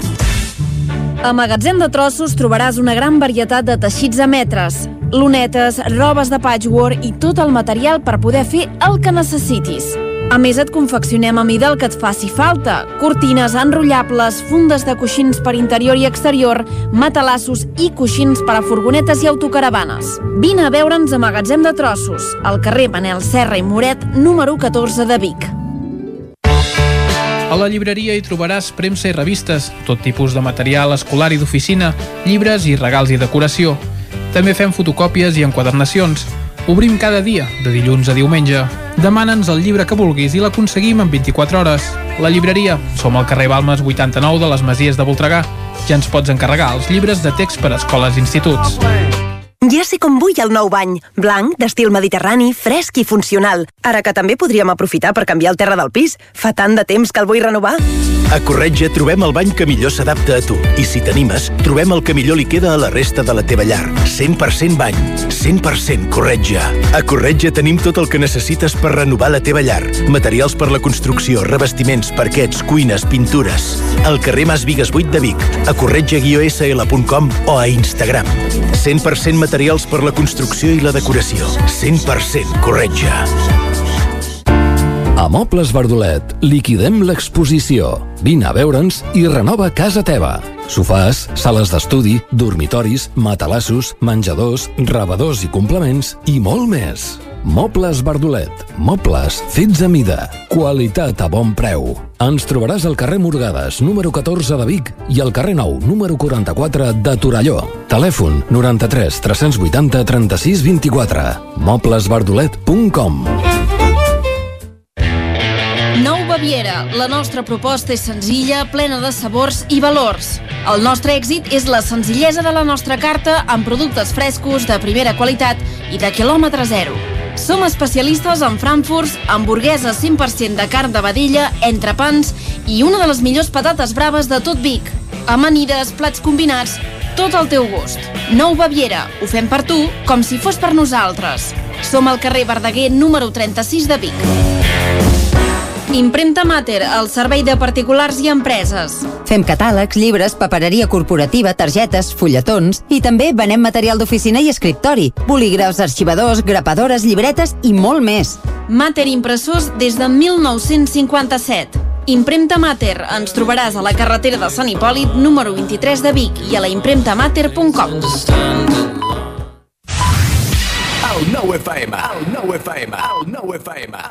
Territori 17.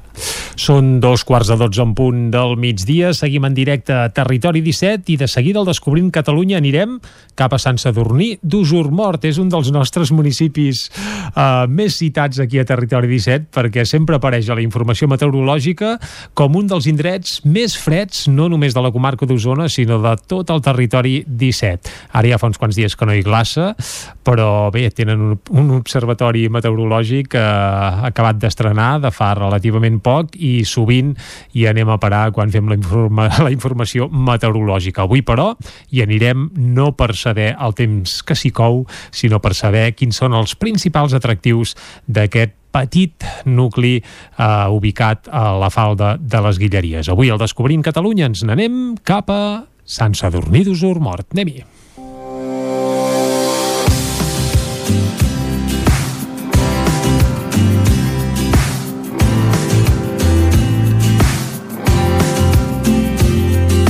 Avui tenim un Descobrint Catalunya més curt per un poble petitó.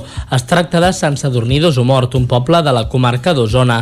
Està situat a la vall de la Riera Major, abans anomenada Riera d'Osó, i envoltat de les poblacions de Viladrau, Espinelves, Vilanova de Sau, Folgueroles i Tavernoles.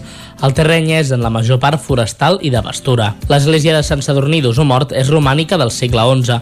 Dintre el terme, en un lloc conegut com el Puig Castellà, s'han trobat restes de ceràmica d'un antic poblat ibèric. La masia Masferrer sobresurt per la seva arquitectura del segle XVII, amb la façana esgrafiada i excel·lents treballs de forja a les balconades. Una altra de les masies és la Maderia Pedrija, que està protegida com a bé cultural d'interès local. A la població també hi trobem per fer una bona excursió al Puig dels Jueus, una muntanya de 820 metres d'altitud. Territori 17.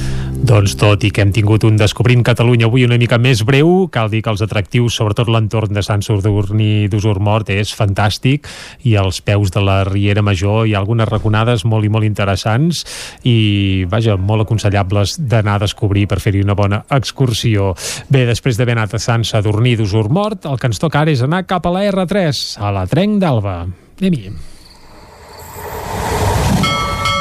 A Trenc d'Alba, edició pandèmia. Ara sense els usuaris que ens explicaven les seves desgràcies a la R3, però amb els mateixos retards i problemes de sempre.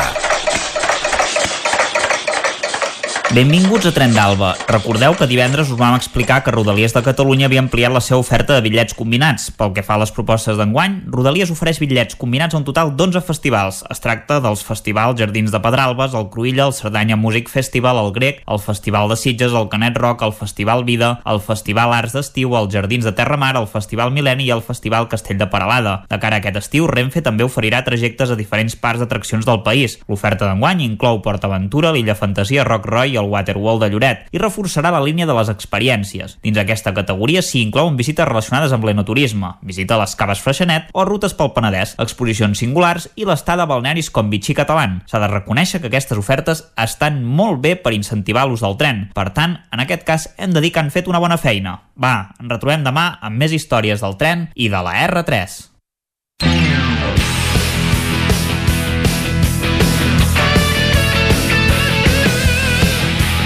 Doncs quan passen gairebé 4 minutets de dos quarts de 12 és el moment d'obrir la tertúlia esportiva aquí a Territori 17, una tertúlia esportiva que comptarà amb els nostres tertulians habituals. Avui comptem amb en Guillem Freixa, qui ja saludem, amb el cor blau grana. Guillem, molt bon dia en Lluís de Planell amb el cor perico que arriba ara mateix eh, celebrant que és, vaja, campió el seu espanyol Lluís, molt bon dia. Bon dia. I saludem també l'Isaac Muntades des de la veu de Sant Joan amb el cor blanc com sempre. Isaac, molt bon dia molt bon dia. Uh, bé, la temporada, diguem que s'ha acabat, entre cometes, i això ja ho tenim tancat, però ara s'enceta un dels moments més apassionants sovint del calendari futbolístic, que és uh, l'obertura del mercat, fitxatges, noms que surten, noms que se'n van, i això, bé, sempre dona per molt. I el primer nom del qual us volia parlar és no d'un jugador, sinó d'un entrenador, i és que el Barça uh, fa uns dies va certificar i confirmar que Ronald Koeman finalment sí que continuarà a la banqueta la temporada que ve al Madrid sí que hi haurà canvis, en parlarem, Isaac, però el Barça, eh, mm. Ronald Koeman es mantindrà, això sí, sota la, no sé si atenta mirada o com funcionarà tot plegat, però diguem que tindrà una mà dreta, que és Jordi Cruyff, que a partir del 1 d'agost tornarà al Camp Nou, no per entrenar al Barça, sinó per fer, eh, segons Joan Laporta, per fer de comodí. No sé què, què acabarà fent, però vaja.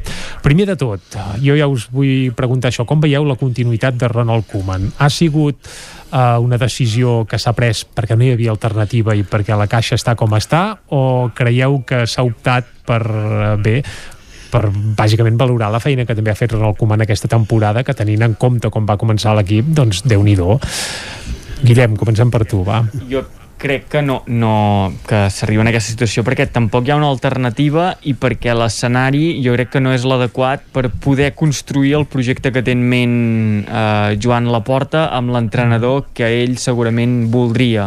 Què vull dir en això?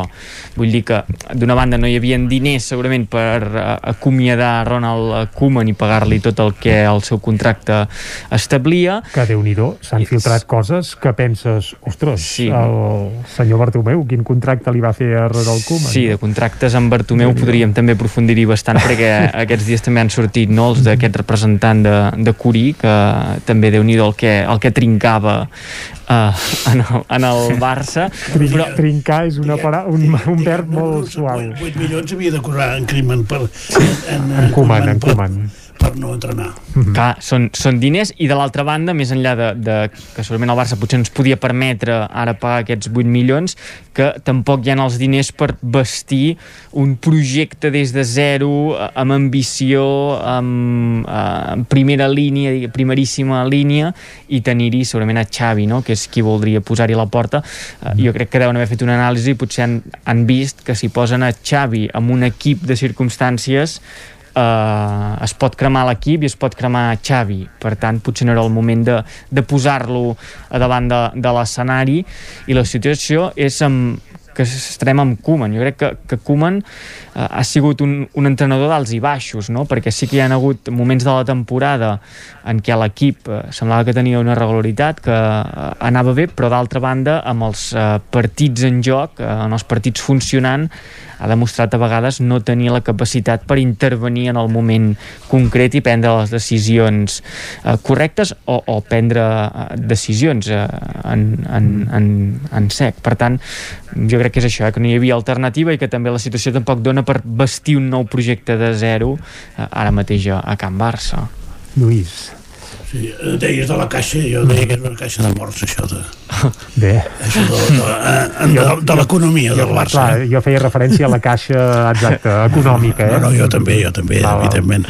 Vull dir que no hi ha res, eh, i llavors eh, això és complicat. A mi em fa gràcia, eh, perquè el Madrid, eh, l'Ancelotti, que també sembla més preparat per, per un... Eh, bona jubilació que no pas per, per entrenar a, a un equip que sembla que ha de, hauria de tenir aspiracions i una cosa semblant passa amb en Koeman que jo diria que l'heu criticat fins a, a un extrem que sí. semblava impossible que, que, que continués. Bé, va amb el càrrec, va amb el càrrec això sí, ara, ara matitzeu que ara els culers matitzeu que sí, que irregular i que quan no, eh, ha de canviar la, la dinàmica dels partits no se'n surt, no se n'ha sortit no mai i també podeu dir que hi ha jugadors que sembla que tenen perspectives de futur i que els ha marginat absolutament i que no els ha fet jugar i llavors hi ha una, una, una sèrie de circumstàncies sí. que aconsellaven que en Koeman doncs marxés pels 8 milions que havia de pagar el club per un Contó i trobar un entrenador en condicions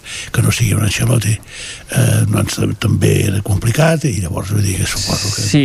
no ha tocat altre remei que fer això jo crec que també aquí hi ha la variable del president no? que eh, crec que el president sí que haurà d'incidir normalment no és el desitjable eh? però sí que haurà d'incidir a tenir conversa en, en Koeman en el sentit de, per exemple, jugadors de la casa que els hi ha tallat les ales, eh, Riqui Puig principal, principalment, doncs eh, potser fer-li entendre que se li ha de donar més minuts, se li ha de donar més protagonisme i tenir aquestes converses, que el president faci entendre que hi ha un projecte de club més enllà de l'entrenador, que a Koeman eh, potser d'aquí un any se li acaba el contracte i no hi serà, i que Riqui Puig és una aposta de club per tot el que representa el, el jugador, no? amb, amb manera de jugar, amb les categories per on ha passat.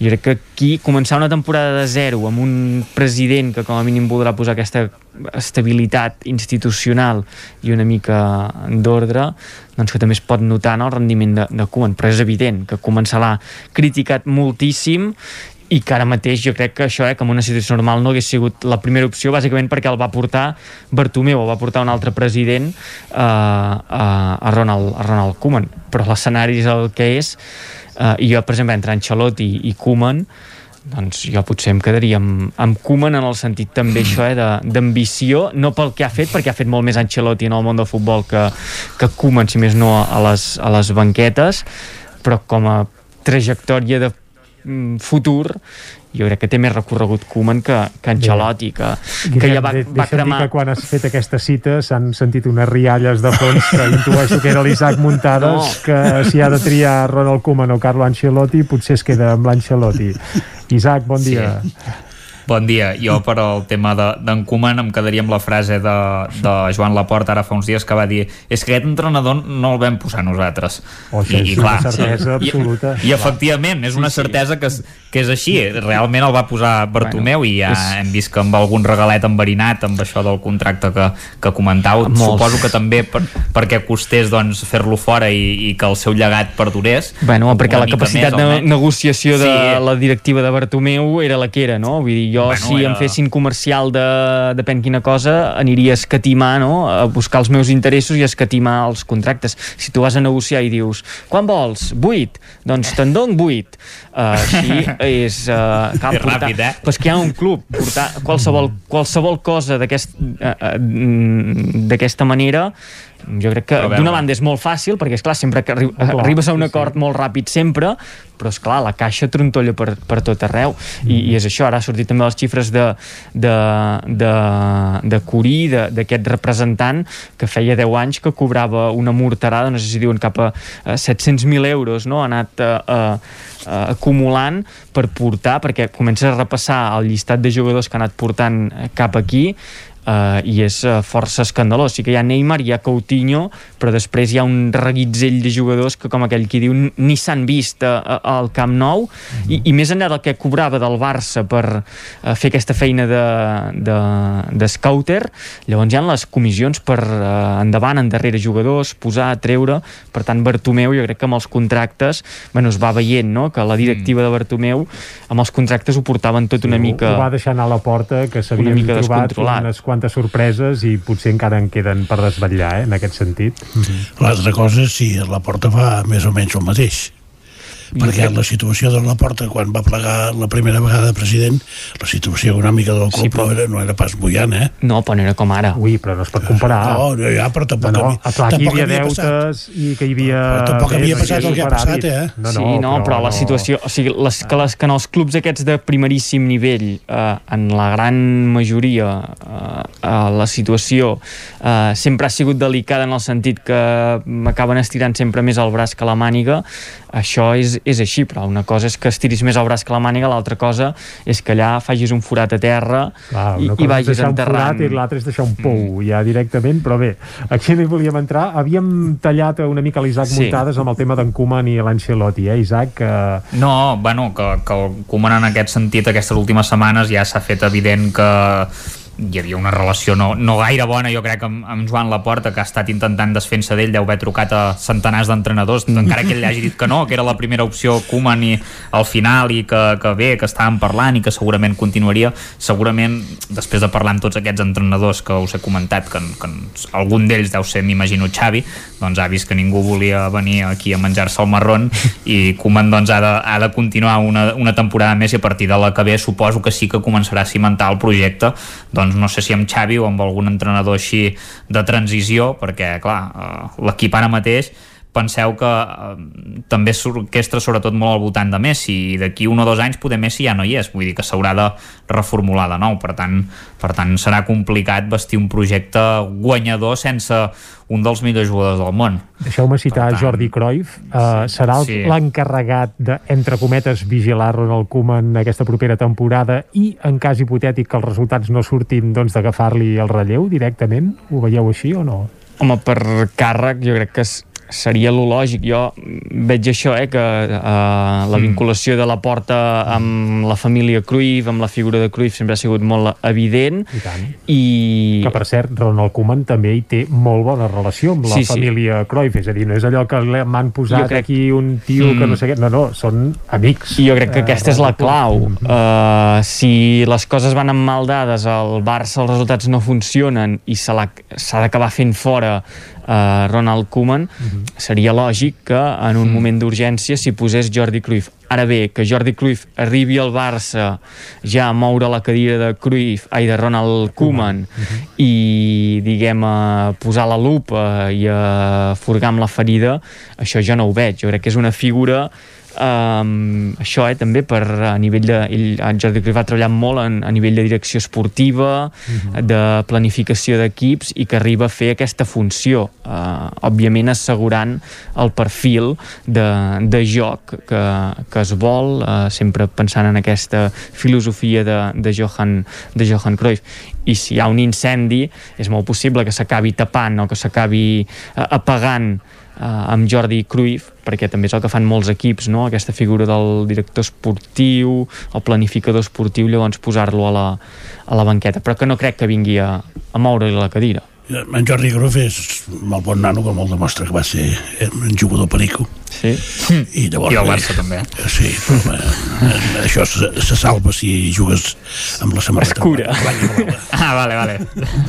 I el, i això per, per un cantó i per l'altre l'experiència que té és a la Xina o al Japó. No, i a molts altres llocs. I a sí, Israel, Israel no? També. Exacte, i a la Rússia. O sigui que no ben bé... És a dir, menys a l'estat espanyol i menys a Holanda ha tingut experiència I menys a Alemanya, món. i menys a Anglaterra. Podríem dir que no ha estat en lligues punteres. Itàlia, o sigui, on hi ha les lligues importants no hi ha estat, Sí. No. i ha estat això, No. Israel, i Xina, i Japó, i sí. aquestes lligues tant que coneixem tots els equips i que seguim, seguim a tots els Sí. jugadors.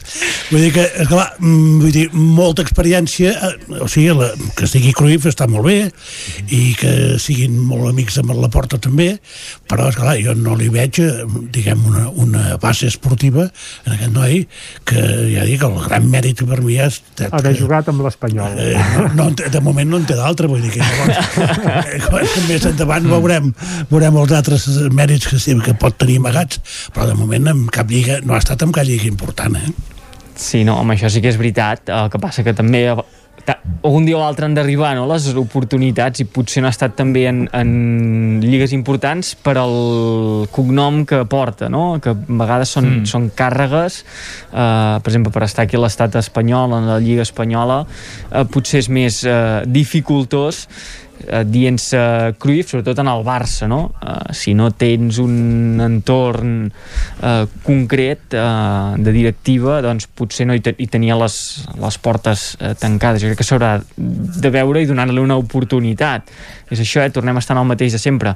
Eh, en la situació econòmica en què està el Barça, doncs potser s'ha d'anar a buscar persones que tenen aquest vincle eh, sentimental. Òbviament, eh, Jordi Cruyff no crec que vingui aquí a treballar eh, per amor a l'art, sinó que deurà tenir un, Sí, un sou i un, un retorn, però que sí, sí. potser per ell doncs, eh, també entomar aquest repte com per algú pot ser un marrón, que deien l'Isaac Muntades, però alguna altra persona doncs, pot ser una oportunitat, un repte, una manera també d'ajudar un club amb qui tens un, un lligam El, sentimental. el mateix que dius d'en Cruyff podria tenir en Xavi. Sí, però és diferent. Oh, no. Jo crec que és diferent, eh? Perquè un entrenador... La figura de Jordi Cruyff és més difícil que vagin malament els resultats i que se'l faci fora, no? O, o té més... Jo crec que té més marge la figura Mm. d'un director eh, esportiu i ho veiem en molts, en molts clubs. La figura d'un entrenador eh, tothom sap eh, que es perden quatre partits i el primer que salta eh, sí. però eh, així de ràpid és l'entrenador per tant jo crec que aquí sí que Xavi ha d'anar més amb, amb precaució perquè li pot condicionar ja no només el seu pas pel Barça sinó la seva carrera d'entrenador. Vull dir, si li surt malament aquí el Barça pot quedar encallat i, i ja no fer mai més res. Que hauria sigut de Pep Guardiola si després d'empatar amb el Racing eh, i perdre, què va ser, perdre amb el Numància i empatar amb el Sí. Racing eh, el haguessin fet fora eh, vull dir, és, és, és complicat Després de dos partits, sí. Potser... no, no, jo dic hipotèticament si, si Guardiola aquella primera temporada no li hagués anat bé sí. Guardiola, Ah. que per cert tenia una experiència, abans en Lluís parlava el currículum de Jordi Cruyff, eh, Sí. el, de, el de Guardiola era entrenar a tercera divisió, però bé, tanquem el capítol, si us Sí, és- sembla... És, molt diferent, eh? Sí, sí. En, perquè en, en cap moment va, va desconnectar del futbol d'aquí. Uh, home, Jordi Cruyff potser tampoc n'ha desconnectat del futbol d'aquí, però vaja, tanquem el capítol entrenadors i directors tècnics, parlem de jugadors i noms propis. Però no Ah, parlant d'Ancelotti, no ens ha dit res, l'Isaac. Exacte. Bé, Sí, va, com- bre breument, Ancelotti. Ancelotti. Del del seu li hem llançat la canya un parell de cops, però només Sí, no, no, no, perquè criticar com- Koeman, com- eh, en comptes de criticar Clar, no, però vosaltres voleu parlar de Koeman, no, d'Ancelotti és, és uh, una mica la cançó aquella del Rei León, no? El ciclo de la vida, el ciclo sin fin, és això, no? Que torna, torna a començar el ciclo, no? Marxa Zidane, torna, torna Ancelotti i quan marxa Ancelotti esperem que torni Zidane. Ara però, però, no, home, però, però bé, és un entrenador que ja coneix la, la casa, que ja ha estat aquí, que va ser el- l'entrenador amb qui es va guanyar doncs, la dècima, que va aconseguir aquell famós doblet i, i de poc que no aconsegueix el triplet si l'equip no hagués arribat doncs, a, al final de temporada potser també uh, una mica just pel que fa a les, a les lesions. I és un entrenador que ja, ja coneix el vestidor i que hi coneix alguns jugadors que fins ara no han donat el 100% com és el cas, per exemple, d'Isco o ara, si Bale torna doncs és un, jugador, un entrenador que el va saber exprimir per tant penso que la seva tornada doncs, dintre dels entrenadors que s'estaven barallant doncs potser és un home que és pacificador i que pot apagar una mica aquests focs i, i, i bé, aviam si arriba amb algun fitxatge també així il·lusionant a, a part del d'Àlava i, i podem doncs, fer una, un equip bo per de cara a l'any vinent intentar doncs, tornar a saltar la Champions que potser és el que uh, agrada més al Madrid. Va, parlem de noms. El Barça aquesta setmana passada va presentar Eric Garcia, que ja estava força cantat, nou central, el Kun Agüero, que també semblava una cosa bastant feta. Aquesta setmana la Porta ja va dir que hi hauria algun altre nom. Uh, qui veieu? Home, mm, jo m'agradaria que s'acabés fent el que surt ara aquestes últimes hores, que és Fabián, del Nàpols, eh, jugador del mig del camp, eh, també sorgit del, del Betis, eh, va entrar molt jove en la dinàmica del primer equip del Betis i de seguida també va marxar cap a, Cap a cap a, Itàlia. a Itàlia i jo crec que aquest jugador sí que seria un bon fitxatge perquè eh, respon amb, amb un perfil que jo crec que sempre sempre s'ha de buscar en un futbolista, eh? que és d'una banda, òbviament, tenir talent eh, tenir experiència i tenir fam, tenir motivació, tenir ganes. I Jo crec Ambició. que, Mhm. Sí, ambició.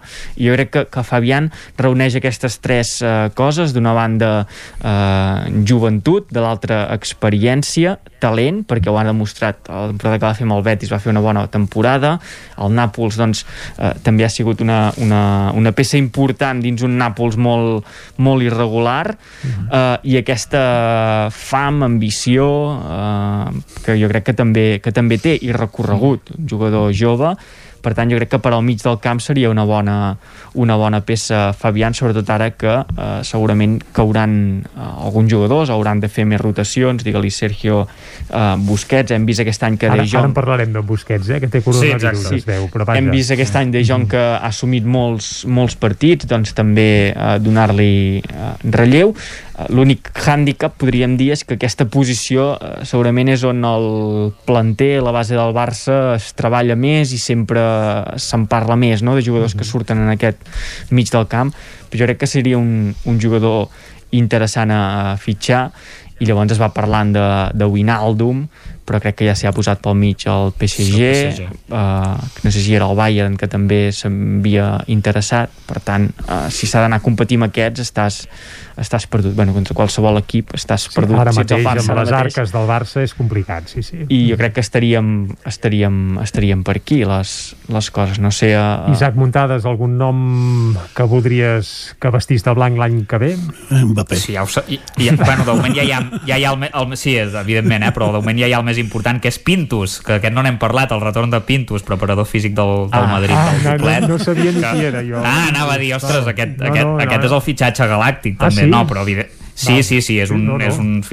Estava a l'Inter de Milan, que recordem que l'Inter ha guanyat aquesta lliga després de, no sé si 9 o 10 des- escudetes de la Juventus, era el preparador físic, va marxar en el seu moment del, del Madrid, eh, quan estàvem doncs, amb Ancelotti crec que es va mantenir amb Zidane eh, durant una o dues temporades i va marxar i, i ara torna amb Ancelotti però evidentment el fitxatge estrella és el d'Mbappé que jo crec que és el que encara que digui el Jeque que, Caurà, que, sí? no, que no marxarà mai i que es quedarà per sempre al PSG i que ens en podem oblidar ja ho veurem, ja ho veurem això i l'altre seria Haaland clar, això sí, són però, els ui, dos serà un o altre, no? Suposo.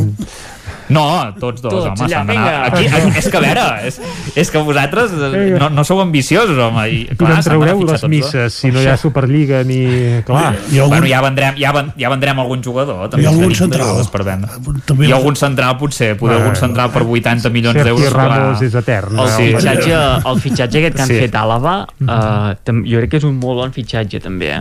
un jugador que el, el Bayern ha fet molt bones temporades i que a més a més eh, és molt polivalent no? em sembla que pot jugar tant al lateral Sí. com també de central Exacte. eh, eh, esporàdicament per tant és un jugador que jo, a mi el Bayern sempre m'havia agradat i jo crec que és un, un bon fitxatge a més a més crec que arriba lliure no? arribava Arriba, arriba lliure. Sí, Arriba, sí, que és, és és un fitxatge important. tipus Barça, que també són d'aquests Sí. que arriben entre cometes lliures. però aquest ben vist vull dir, s'ha d'estar atent a vegades a aquestes coses i ser el primer també. a, a De totes maneres, el, el problema dels centrals del Madrid encara és important, eh? perquè jo diria que en Sergio Ramos, encara que es quedés, eh, de problemes físics se'n començarà a tenir, perquè Però és un ja, ja jugador... n'ha tingut aquest any. Per això vull dir que Però- en però- continuarà tenint, això és el que vull Però de dir. moment ten, ten, tens centrals de futur, tens Militao, Nacho encara eh, pot, pot fer-ho bé quan juga, Baran encara no ha marxat del club, que jo sàpiga, per tant ja, ja tens centrals per cobrir la baixa Uh, de, ens de queden Sergio Ramos. re, un minut i mig i vull passar amb re, una pinzellada d'Eurocopa la selecció catalana, com que no juga no ens interessa gaire aquesta competició, però l'Espanyola sí que hi juga,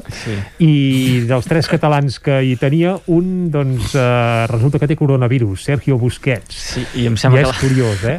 I em sembla que l'ha escampat, no?, una mica, perquè eh, bueno, s'han pogut de posar en quarantena els que van estar en contacte amb ell, i crec que al principi del partit es va fer un homenatge al partit que van jugar contra Portugal, es, van fer, es, va, es va fer un homenatge, ara no em feu dir aquí, però que hi va haver contacte amb aquests jugadors de Portugal, una foto com tots abraçats eh, per, per mostrar una samarreta que duien, i que, esclar, és, això és l'evidència d'un contacte estret, no? Vull dir, fer una abraçada és un contacte estret. No, no, uh, I crec que no, demà tenia un partit amb Lituània, jugarà la sub-21, amistós, la selecció espanyola, i de moment Busquets està aïllat i ja es veurà si acaba jugant l'Eurocopa o no, però és sorprenent que hagi aparegut aquest cas ara, quan estava concentrat precisament amb la selecció espanyola, on en teoria estan tots molt... Amb tres pericos per ser la, la també. sub-21, eh? Vull dir que... Ho dic perquè...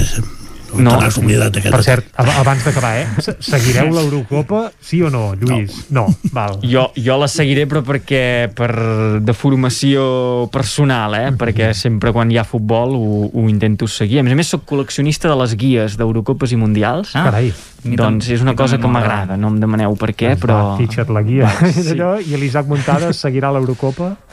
Sí, sí que la seguiré. Sí. I miraré els partits de la selecció que més m'interessa, evidentment. Molt bé. Qui, bueno, quin és? Sí, sí, Isaac? quina és la teva selecció? Amb qui, amb qui vas, Isaac Muntades? Si Jo molt vaig demanar. amb Espanya. Amb Espanya. No, ara val, anava a dir, com que ets tant d'Mbappé que no fos que no anessis amb França. No, jo, jo com, Bueno, i Portugal també, Portugal per Cristiano Ronaldo. Clar, clar. jo que so, com que soc de Catalunya d'Andorra i cap de les dues no són... Andorra doncs- tampoc hi és. doncs ja està. Doncs Lluís, Guillem, eh, Isaac, moltes gràcies per ser avui a Territori 17. Us esperem dilluns vinent, eh? La tertúlia esportiva encara hi serà i nosaltres aquí a Territori 17 no tornarem dilluns vinent, que també, sinó que tornarem demà, eh? Demà i com sempre us farem companyia des de les 9 del matí i fins a les 12 del migdia. Salut i que vagi molt bé. Adeu.